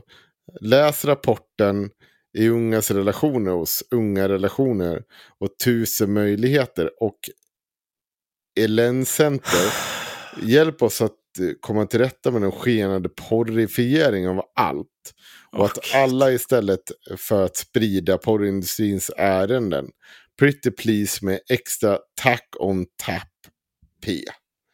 Åh gud, jag orkar inte med. Det är för dumt. Ja. Peter Rung. Vad säger ni? Alltså får du oönskade fingrar i analen så är det inte analsex, det är övergrepp. Mm. Det är ju... Men... Alltså jag har svårt för det här med att moralisera och skamma hur vuxna människor väljer att ha sex med varandra. Så kör, kör, kör vad du vill. Men se till att den andra är med på det. Så är det, alltså jag vet inte varför det ska vara så jävla svårt att förstå. Peter Rung, om inte du vill ha strypsex och analsex så ha inte det. Om Nina tvingar dig till det så är det jätteelakt. Det är bara sluta liksom. Men om du är med på det så är det okej. Okay. Jag förstår inte riktigt. Ja, nej men antingen så... Uh, ja. Eller? Ja. Jag vet inte jag varför det här med sex måste vara så jävla svårt när det egentligen är så jävla lätt bara. Men det är det verkligen det? Är det så jävla enkelt? För att det är det jag återkommer till. För det första. Får jag fråga dig Sanna? Ja, fråga mig. Den här frågan går ju till Axel också. Ja, tack. I, i, i allt det sexuppvaknande. Var det så jävla positivt allting? Nej, gud nej. Alltså i form av hur, så här, här vill jag inte ha det här fingret, här vill jag inte att... Ja men bara en sån enkel. Ha, all, ha alla fingrar ni har fått uppkörda någonstans, vart med samtycke? Jag kan säga, jag har aldrig fått några fingrar uppkörda någonstans. Vänta, nu kom, nu kom Tim och gjorde en liten dans för att pojken somnade. Konstigt. Fy fan vad du är töntig. Okej, okay, nej tillbaka till en A6. Nej, inte en A6. nej, men alltså vi ska väl inte behöva sitta här och snacka om våra... Ska jag behöva outa hela mitt sexliv för era följare? Det känns jävligt, jävligt tradigt. Men... Våra följare, Sanna. Du är en del av det här nu. Dra inte in mig i detta, är du snäll. Den som får betalt måste också äta bajset. Ja, jag ställer upp för att jag är er vän. Ja, tack. Vad bussigt. Mm. Jag kan säga att det är Eh, jag har inte haft några sådana erfarenheter. Det, det, är ingen som har försökt trycka upp fingrar i röven på mig. Eh, det, det, närmaste skulle jag säga, det var en tjej, för, jag vet inte, det var säkert över 15 år sedan. Men hon, hon, hon, jag vet inte, hon gillade att slåss.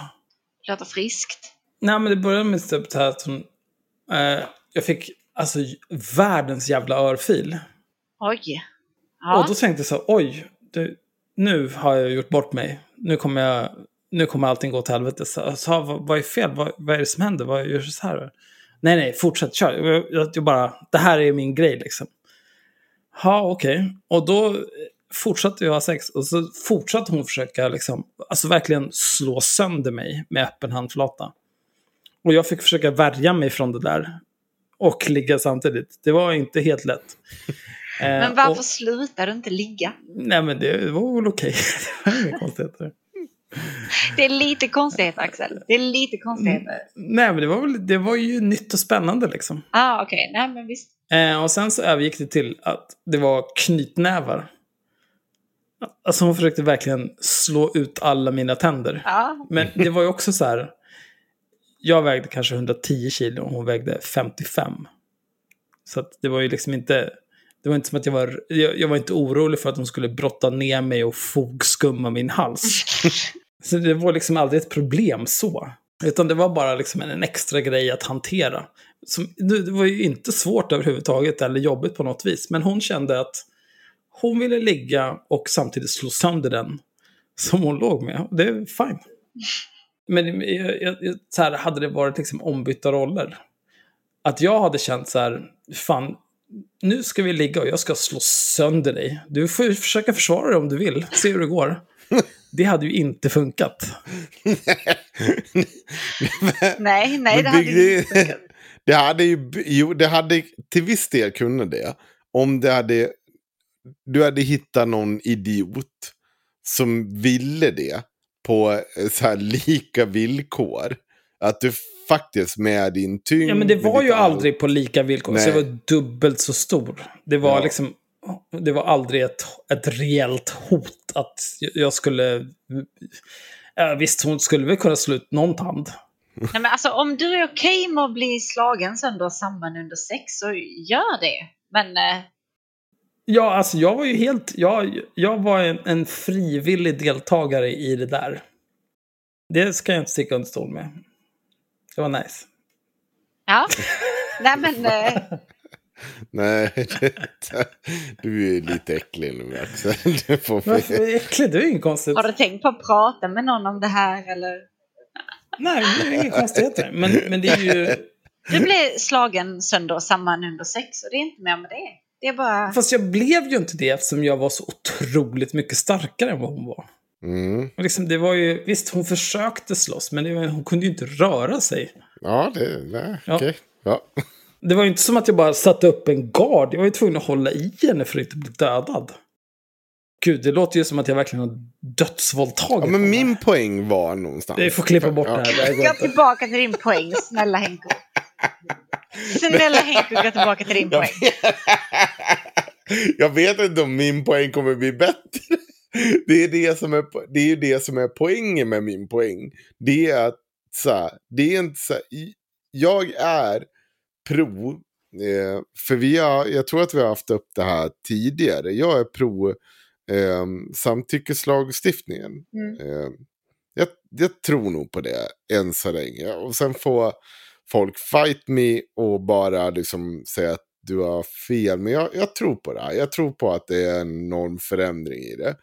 Men jag tror också på det här jättekonstiga i att vi alla har på något sätt varit, även vår sexualitet är uppfostrad av de olika situationerna vi har varit i. Och att det inte alltid är så jävla nice. Men att det inte alltid heller är en våldtäkt. Och att man måste kunna separera Sex och våldtäkt. Ja, jag hoppas man kan separera de två sakerna. Det är väl framförallt att, att liksom folk som är utomstående Ja. kanske inte ska ha så jävla mycket åsikter. Absolut. Nej, fast... För det är som må- Unni Drugge står Ja. bredvid och moraliserar över hur folk har sex. Ja, Men, jag, jag tror de exempel som de tog upp, liksom så här, fogskum och skit, Mm. slagen 123 gånger med något jävla fiberglasrör, det är ju uppenbart folk som är helt sjuka i huvudet som borde spärras in eller skjutas i huvudet. Ja.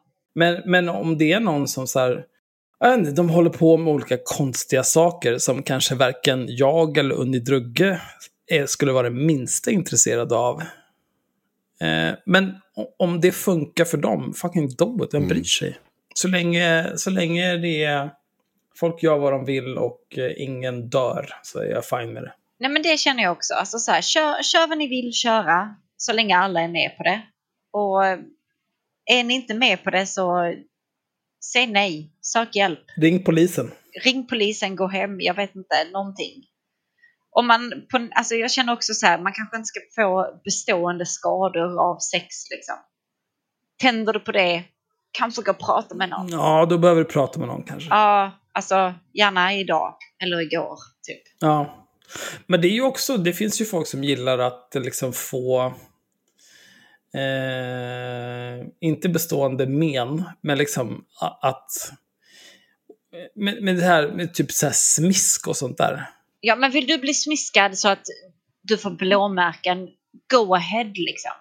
Ja, det läker ju, men det är ju också, det är, jag tycker att det är lite konstigt. Ja, men det är ändå inte bestående men på det sättet att du typ blir lam eller du vet, bryter ett ben. Nej, men jag tror att den stora skillnaden är, alltså här, ja, jag, eh, jag är inte helt jävla extra när det kommer till att ha sex. Det behöver liksom inte vara massa konstigheter. Eh, och om det är så att, att någon känner så här, men eh, om jag inte har blåmärken när jag vaknar, då har jag inte haft sex. Ja, nej, det är ju fucked alltså. Men eh, you do you fam. Jag själv hade ju inte passat i ett sånt förhållande.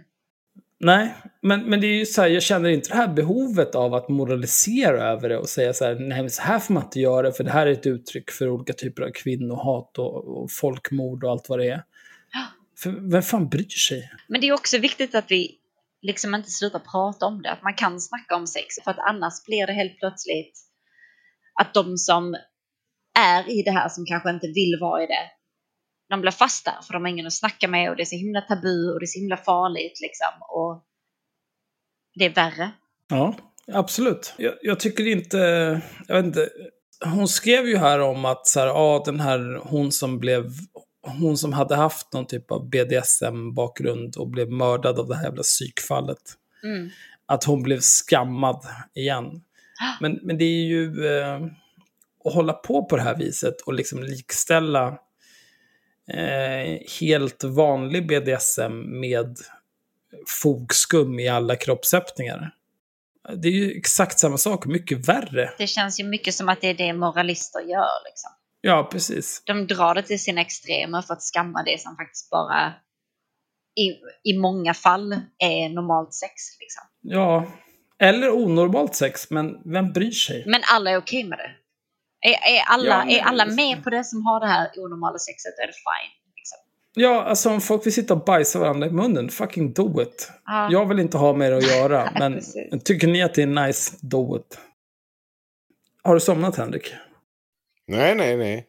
Absolut inte. Ja, nej, jag vet inte riktigt vad mer vi ska komma fram till här. Det känns som att vi är ganska på samma sida. Och Henko fick bikta sig och allt. Ja. Jag fick ju också bikta mig. Du biktade dig däremot inte. Har Nej. inte du haft, har, har inte du haft någon, något sjukt? Har inte jag haft sex? Jo, Jag vet att du har haft sex minst två gånger. ja. Ja, men det har jag. Okej, då går vi vidare. ja, vi kör vidare. Oh, okay. Fy fan, det är så jävla många ämnen. Mm. Jag vill prata om Elaine Eksvärd. Ja, gör det då. Fy fan vad jag hatar henne alltså. Igen. Okej, vi kör. Känner du till vår fade med Elaine Eksvärd, Sanna? Och Axel, jag pratar med dig på Discord varje dag.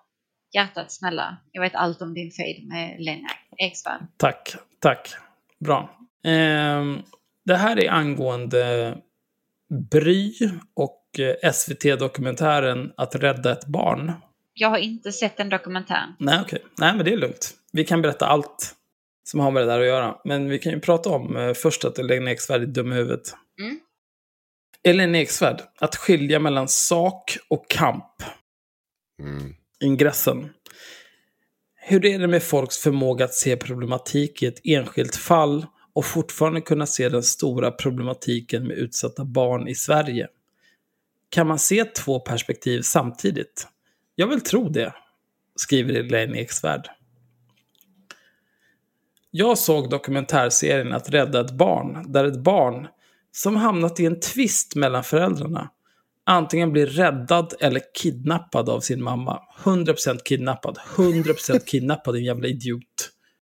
Färga inte nu hennes eh, text här. Nu får du läsa den. Nej, förlåt. Fel av Ja. mig. Mamman får hjälp av en barnrättsorganisation som kampanjar mot pappan för barnets säkerhet. De förtalar honom och påstår att han knullar sin son. Du färgar Det texten var de igen. gör. Det är inte vad som står. Ja, är det är fel. Fel av mig. Fel av mig. Jag ber om ursäkt. När jag delade ett inlägg från organisationen 2018 tänkte jag också på barnets säkerhet. Men olika insatta personer kontaktade mig snabbt, gav mig mer information och gav mig ett chans att både be om ursäkt offentligt och ta bort inlägget kort efter att det publicerats. Det var inte kort efter. Det var inte Axel! kort efter. Ditt jävla äckel. Tänker du läsa texten eller tänker du sitta och spotta på Elaine mellan varje mening? Jag, jag tänker göra både och. Nej, kom igen nu. om, du, om du läser texten så kan vi spotta tillsammans sen. Ja, man måste spotta när man har det färskt i minnet. Alltså, jag, Ah, jag kan okej. inte gå tillbaka. Det är så här vi gör, Sanna. Du får leva med det här. Vi har inte ens kommit ner till Linnea Claesson-biten. Liksom. Nej, nej, fuck Linnea Claesson. Linnea Eksvärd är mycket äckligare. Oj. Jag såg färdigt dokumentären häromdagen. Kalla kårar ilade i mig. Mest för mitt eget bristande ansvar då, 2018, men också för organisationen och personerna som omger den. Personer som tycks resonera att på grund av den stora problematiken med utsatta barn i Sverige behövs inte närmare granskning av enskilda fall. Mamman är trovärdig, räcker som grund för kampanj. Samma slutsats som socialtjänsten drog om mitt fall som barn då min pappa och förövare konspirerade vältaligt mot min mamma. De tyckte sig inte behöva granska, för pappa var ju så övertygande. Jag berättar hur olyckligt det var i detta fall, då det finns verkliga fall då mammor tvingas ge sina barn till förövaren. Kan jag få kommentera det här? Kör på. Kör det vind. Nej, men jag ska försöka säga det här på det trevligaste sättet jag kan. Eh, jag har full förståelse för att vad Elaine Eksvärd än blev utsatt för av sin farsa så var det förmodligen bedrövligt och helt vidrigt. Men att hon tar upp det varenda jävla gång hon skriver en text är så jävla irriterande. Jag orkar inte med det. Det måste finnas mer substans i den här jävla människan än den här grejen.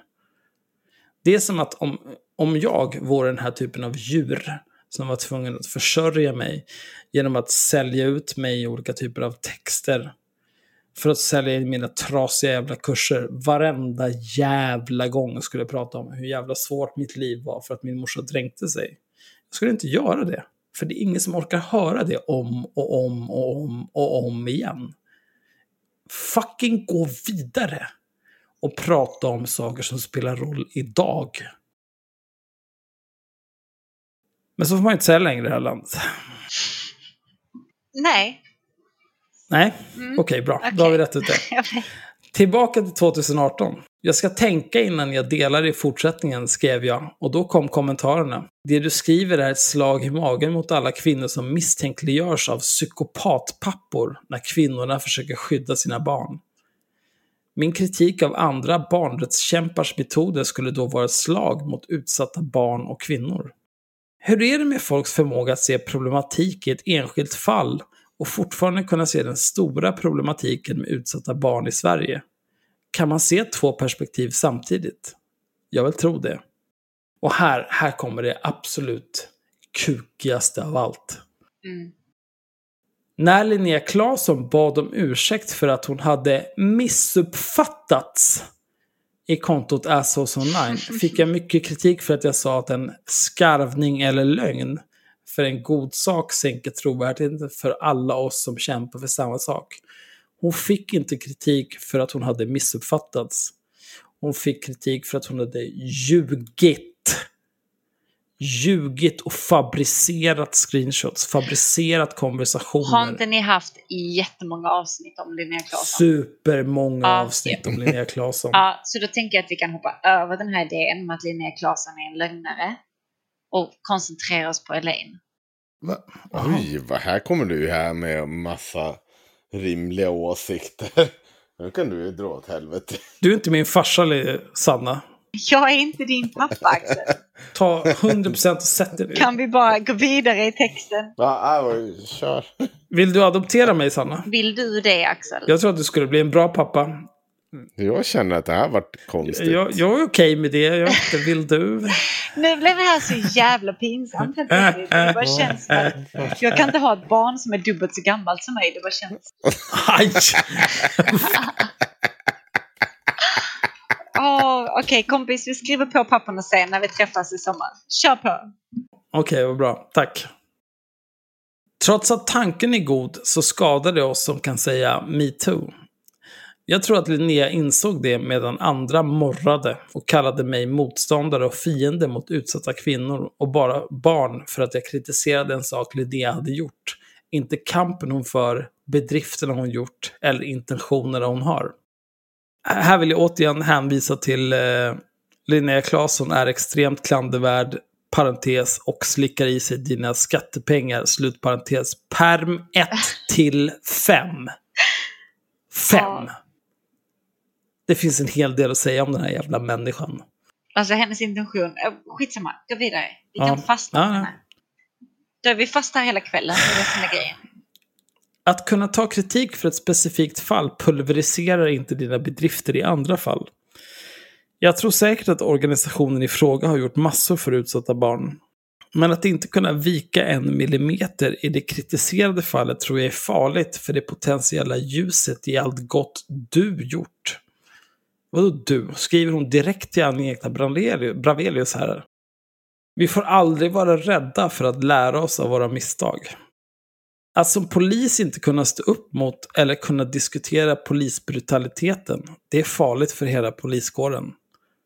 Att jag som barnrättskämpe, barnrättskämpe, inte ska kunna erkänna fel utan att inse att jag fortfarande haft bedrifter i kampen, det är farligt för mig.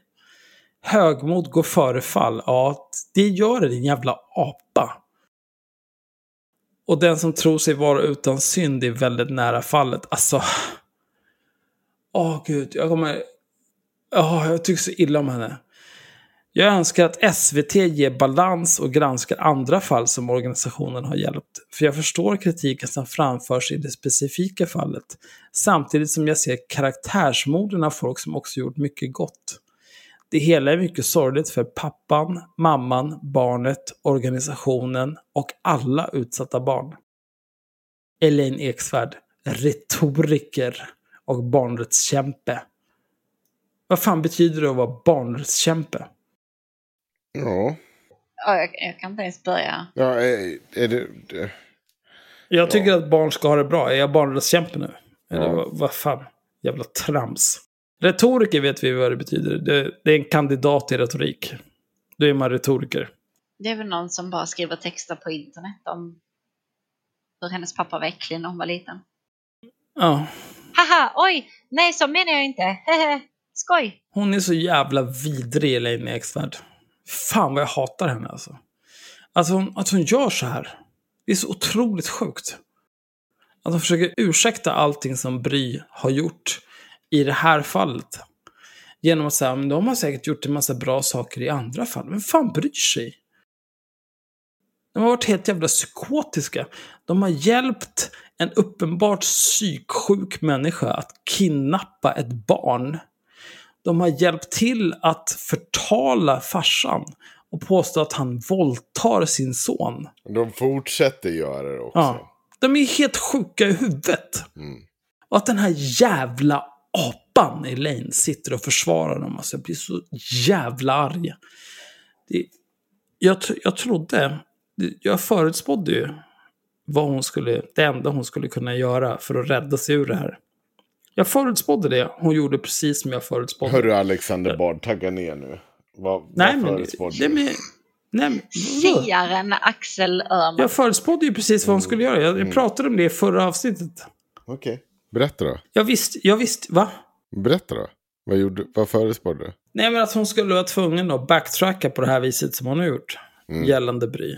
Men alltså jag tycker inte nödvändigtvis att denna texten så här försvarar Bry eller pappan eller mamman eller whatever. Jag tycker snarare att detta är bara en text som får Elaine att ligga jävligt i mitten och inte ha någon som helst åsikt och bara nej men alla kan göra rätt och alla kan göra fel och alla som gjort fel har säkert gjort rätt och det är bara, det är bara ett sätt för henne att få sin egen rygg ren. Liksom. Alltså man kan ta det här.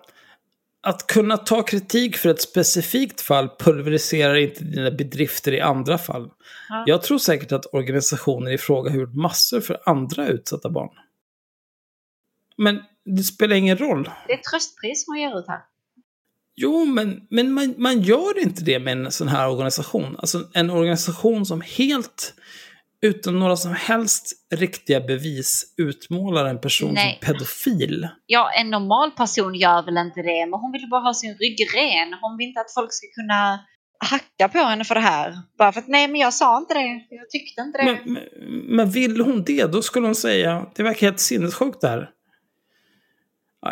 Jag hatar henne i alla fall. Det känns bara jävligt eh, som att hon inte tycker något. Fuck är det nedsvärd. Ja. Åh, gud vilken jävla apa. Glöm heller inte hennes veganska matlådor som kom bort och hon undrade om hon skulle stämma flygbolaget eller försäkringsbolaget. Din jävla idiot. Bracka, bracka. Åh, Axel. Ska vi gå och lägga oss? Ja, du har gäspat i två timmar nu. Så att, eh, Vi har spelat in väldigt, väldigt länge också. Det har vi inte. Nej. nej, okej. Patreon-avsnitt var 1.35 typ. Nu är vi uppe i 1.35 på det här. Det är inte ens mycket. Nej, men vi höll ju på ganska länge däremellan också. Ja, ja, det är mycket. Eh, Det är lite, det är lite kisspaus som ska tas bort också. Mm. Är vi nöjda? Jag tycker vi kan ta ett. Ja, ja! Eh, Aron Flam. In Aron Flam. igen. Vi Nej, inte- men, nej, men grejen är, vi har ju sågat Aron Flam. Alltså, Ja. i så många avsnitt. Så många gånger. Ja. Men Ja. Aron Flam är på väg att bli fucked. På helt orättvisa grunder. Ja, okej. Mm. Okej. Aron Flam har ju släppt en bok och den heter säkert någonting eh, kantigt. Jag har ingen aning, jag orkar inte bry mig. Det här är en svensk tiger. Det här är en svensk tiger. Tack Sanna. Ja. Varsågod. Och då har han använt den här... Om ni inte känner till en svensk tiger, då tycker jag att ni ska ut ur mitt land alltså. Men det är, det är, det är en bild som ägs av eh, Beredskapsmuseet. Som är ett privat museum som är horungar. Och det är den här klassiska krigstidstigern. Aron Flam har tidigare haft problem med dem för att han har använt den och de eh, hotade med stämningar och hej och hå för att de är töntar. Då har han ändrat den så att ena ögat liksom blinkar in mot betraktaren. Ena framtassen är rakt upp i en uh, Sieg Heil Helsting. Den heilar. Ja. Och den andra framtassen har en, eh, en armbindel med en svastika på. Och det är, det är en del av omslaget på hans bok som han släppt nyligen. Och nu har de här jävla horungarna på Beredskapsmuseet stämt honom för upphovsrättsbrott. Vilket har gjort att polisen har beslagtagit alla exemplar av hans bok. Och, och make no mistake, jag hatar Aron Flam. Jag har inte läst hans bok, men jag gissar att den är piss från början till slut. Alltså piss. Men, de här jävla asen, de borde inte få hålla på på det här viset. En svensk tiger borde vara allmängods. Det är någonting som användes under andra världskriget för att se till att folk höll käften och inte golade ner oss till ryssjäveln och tyskjäveln och alla andra horungar som försökte döda oss. Det är en del av svensk historia. Den borde tillhöra alla svenskar. Att den tillhör ett privat museum är ett jävla skämt och en skandal. Och att Aron Flam blir stämd för upphovsrättsbrott. Att alla hans böcker som har en svensk tiger, den modifierade en svensk tiger som han har på sin framsida. Att alla de blir eh, beslagtagna med hjälp av polisen. Det är ett skämt. Det borde inte vara så här. Det är som när eh, Antipiratbyrån, nej, nej, nej, fan var det? Kronofogden raidade någon jävla datahall var, var nu eh, The Pirate Bay hade sina servrar. Och den där jävla horungen, Henrik Ponténs, hans jävla äckelorganisation var där och pekade på en privat organisation som berättar för en myndighet vad de ska beslagta. Vad är det för jävla skit? Vad är det för bananrepublik vi lever i? Nej! Låt Aron Flam publicera sin bok med en svensk tiger. Det är en del av det svenska kulturarvet. Han har all rätt att använda den hur fan han vill. Beredskapsmuseet kan dra åt helvete, horungar. Men han har ju också ändrat den. Alltså det är inte... Ja, ja det är helt sjukt. Jag, jag, Hans bok är väl inte satir, men det är ju liksom... eh, Det handlar ju inte om den svenska tigern i den bemärkelsen som de menar. Vi har ju inte fair use-lagar i Sverige på samma vis som i USA. Men vi borde ha det. För att det där är 100% helt okej tycker jag. Jag tycker framförallt att det är så jävla äckligt. Att, att någonting som är så liksom förknippat med svenskhet som en svensk tiger ägs av en privat aktör som kan knulla vem som helst som försöker använda den på det här viset. Det är inte okej. Okay. Jag förstår inte riktigt varför de, de gör så här, de som äger en svensk tiger. Vad, vad har de att vinna på detta liksom? För att i USA är det ändå som med fair rights use-lagar, liksom att om du inte stämmer så förlorar du typ din, din fair rights use-skydd. För att ja, men du skyddar inte mot det här, då kan du inte skydda mot detta heller. Typ. Alltså, så man måste typ stämma skiten ur varandra. För att det är USA. De, de gillar mm. det där med stämningar. Ett u-land. Ja, precis. Men, men i Sverige är det liksom inte så. Så jag förstår inte riktigt vad den här personen har att vinna på detta. Tycker han att han ska få alla Aron Flams pengar? Eller vill han bara inte att den svenska tigern förknippas med Flam? För det senare kan jag väl ändå relatera till. Jag vet inte heller faktiskt vad de har för motiv till att vara så här jobbiga. Men eh, det enda jag vet är att det är fel. Om Aron Flam vill använda en svensk tiger så borde han i egenskap av svensk kunna göra det. Ja. Men den är också modifierad, alltså själva, själva tigern som är målad på framsidan av boken om man söker på den, alltså det är ju bara satir. Det är på skoj. Det är stor skillnad, man förstår ju omedelbart. Alltså den heilar, den har en svastiska bilder, den blinkar mot kameran. Alltså det är, det är stor skillnad från originalet. Alltså man fattar ju uppenbarligen vad den anspelar på för att det står svensk tiger, men... Ja, den är ju i princip oförändrad i övrigt, men... Nej, och jag, jag tycker inte att de... Man borde inte kunna hävda upphovsrätt på alla permutationer av ett verk. Nej, men framförallt om man kan så får man fan skärpa sig ibland. Alltså på riktigt. Ja, det är riktigt jävla barnsligt alltså. Ja, det är det. Så jag, jag hoppas att, eh, även om jag hatar Aron Flam av hela min kropp och själ, så hoppas jag verkligen att han vinner den här eh, stundande rättsstriden. Ja, ja, alltså bilden är ju bara satir. Ja. Mm. En, ett av få tillfällen där Aron Flam är fucking A-OK. Okay. Ja. Ska vi skita i det här nu så jag får sova någon gång? Oj. Jävla tönt. Gud, du har gäspat så länge nu. Vi kanske ska låta farbror gå och lägga sig. Mm. Mm. Kör ett avslut. Puss och godnatt. Puss och kram, kära lyssnare. Eh, jag heter Axel. Henrik heter Henrik. Sanna heter Sanna. Säg hej då nu ungdomar så lägger vi på den här skiten. Puss puss. Henrik, din jävla... Han har somnat. Ja, han är så dålig. Okej, bra. Hej.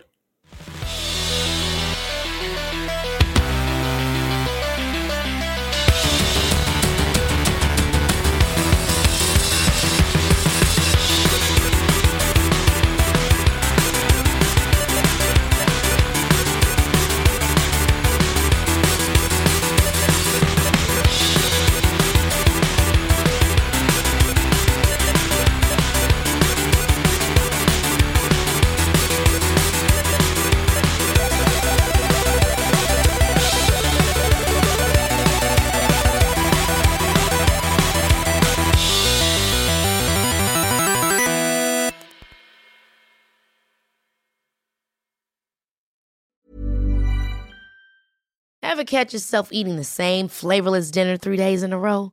Dreaming of something better? Well, HelloFresh is your guilt-free dream come true, baby. It's me, Gigi Palmer. Let's wake up those taste buds with hot, juicy pecan-crusted chicken or garlic butter shrimp scampi. Mm. Hello Fresh. Stop dreaming of all the delicious possibilities and dig in at HelloFresh.com. Let's get this dinner party started.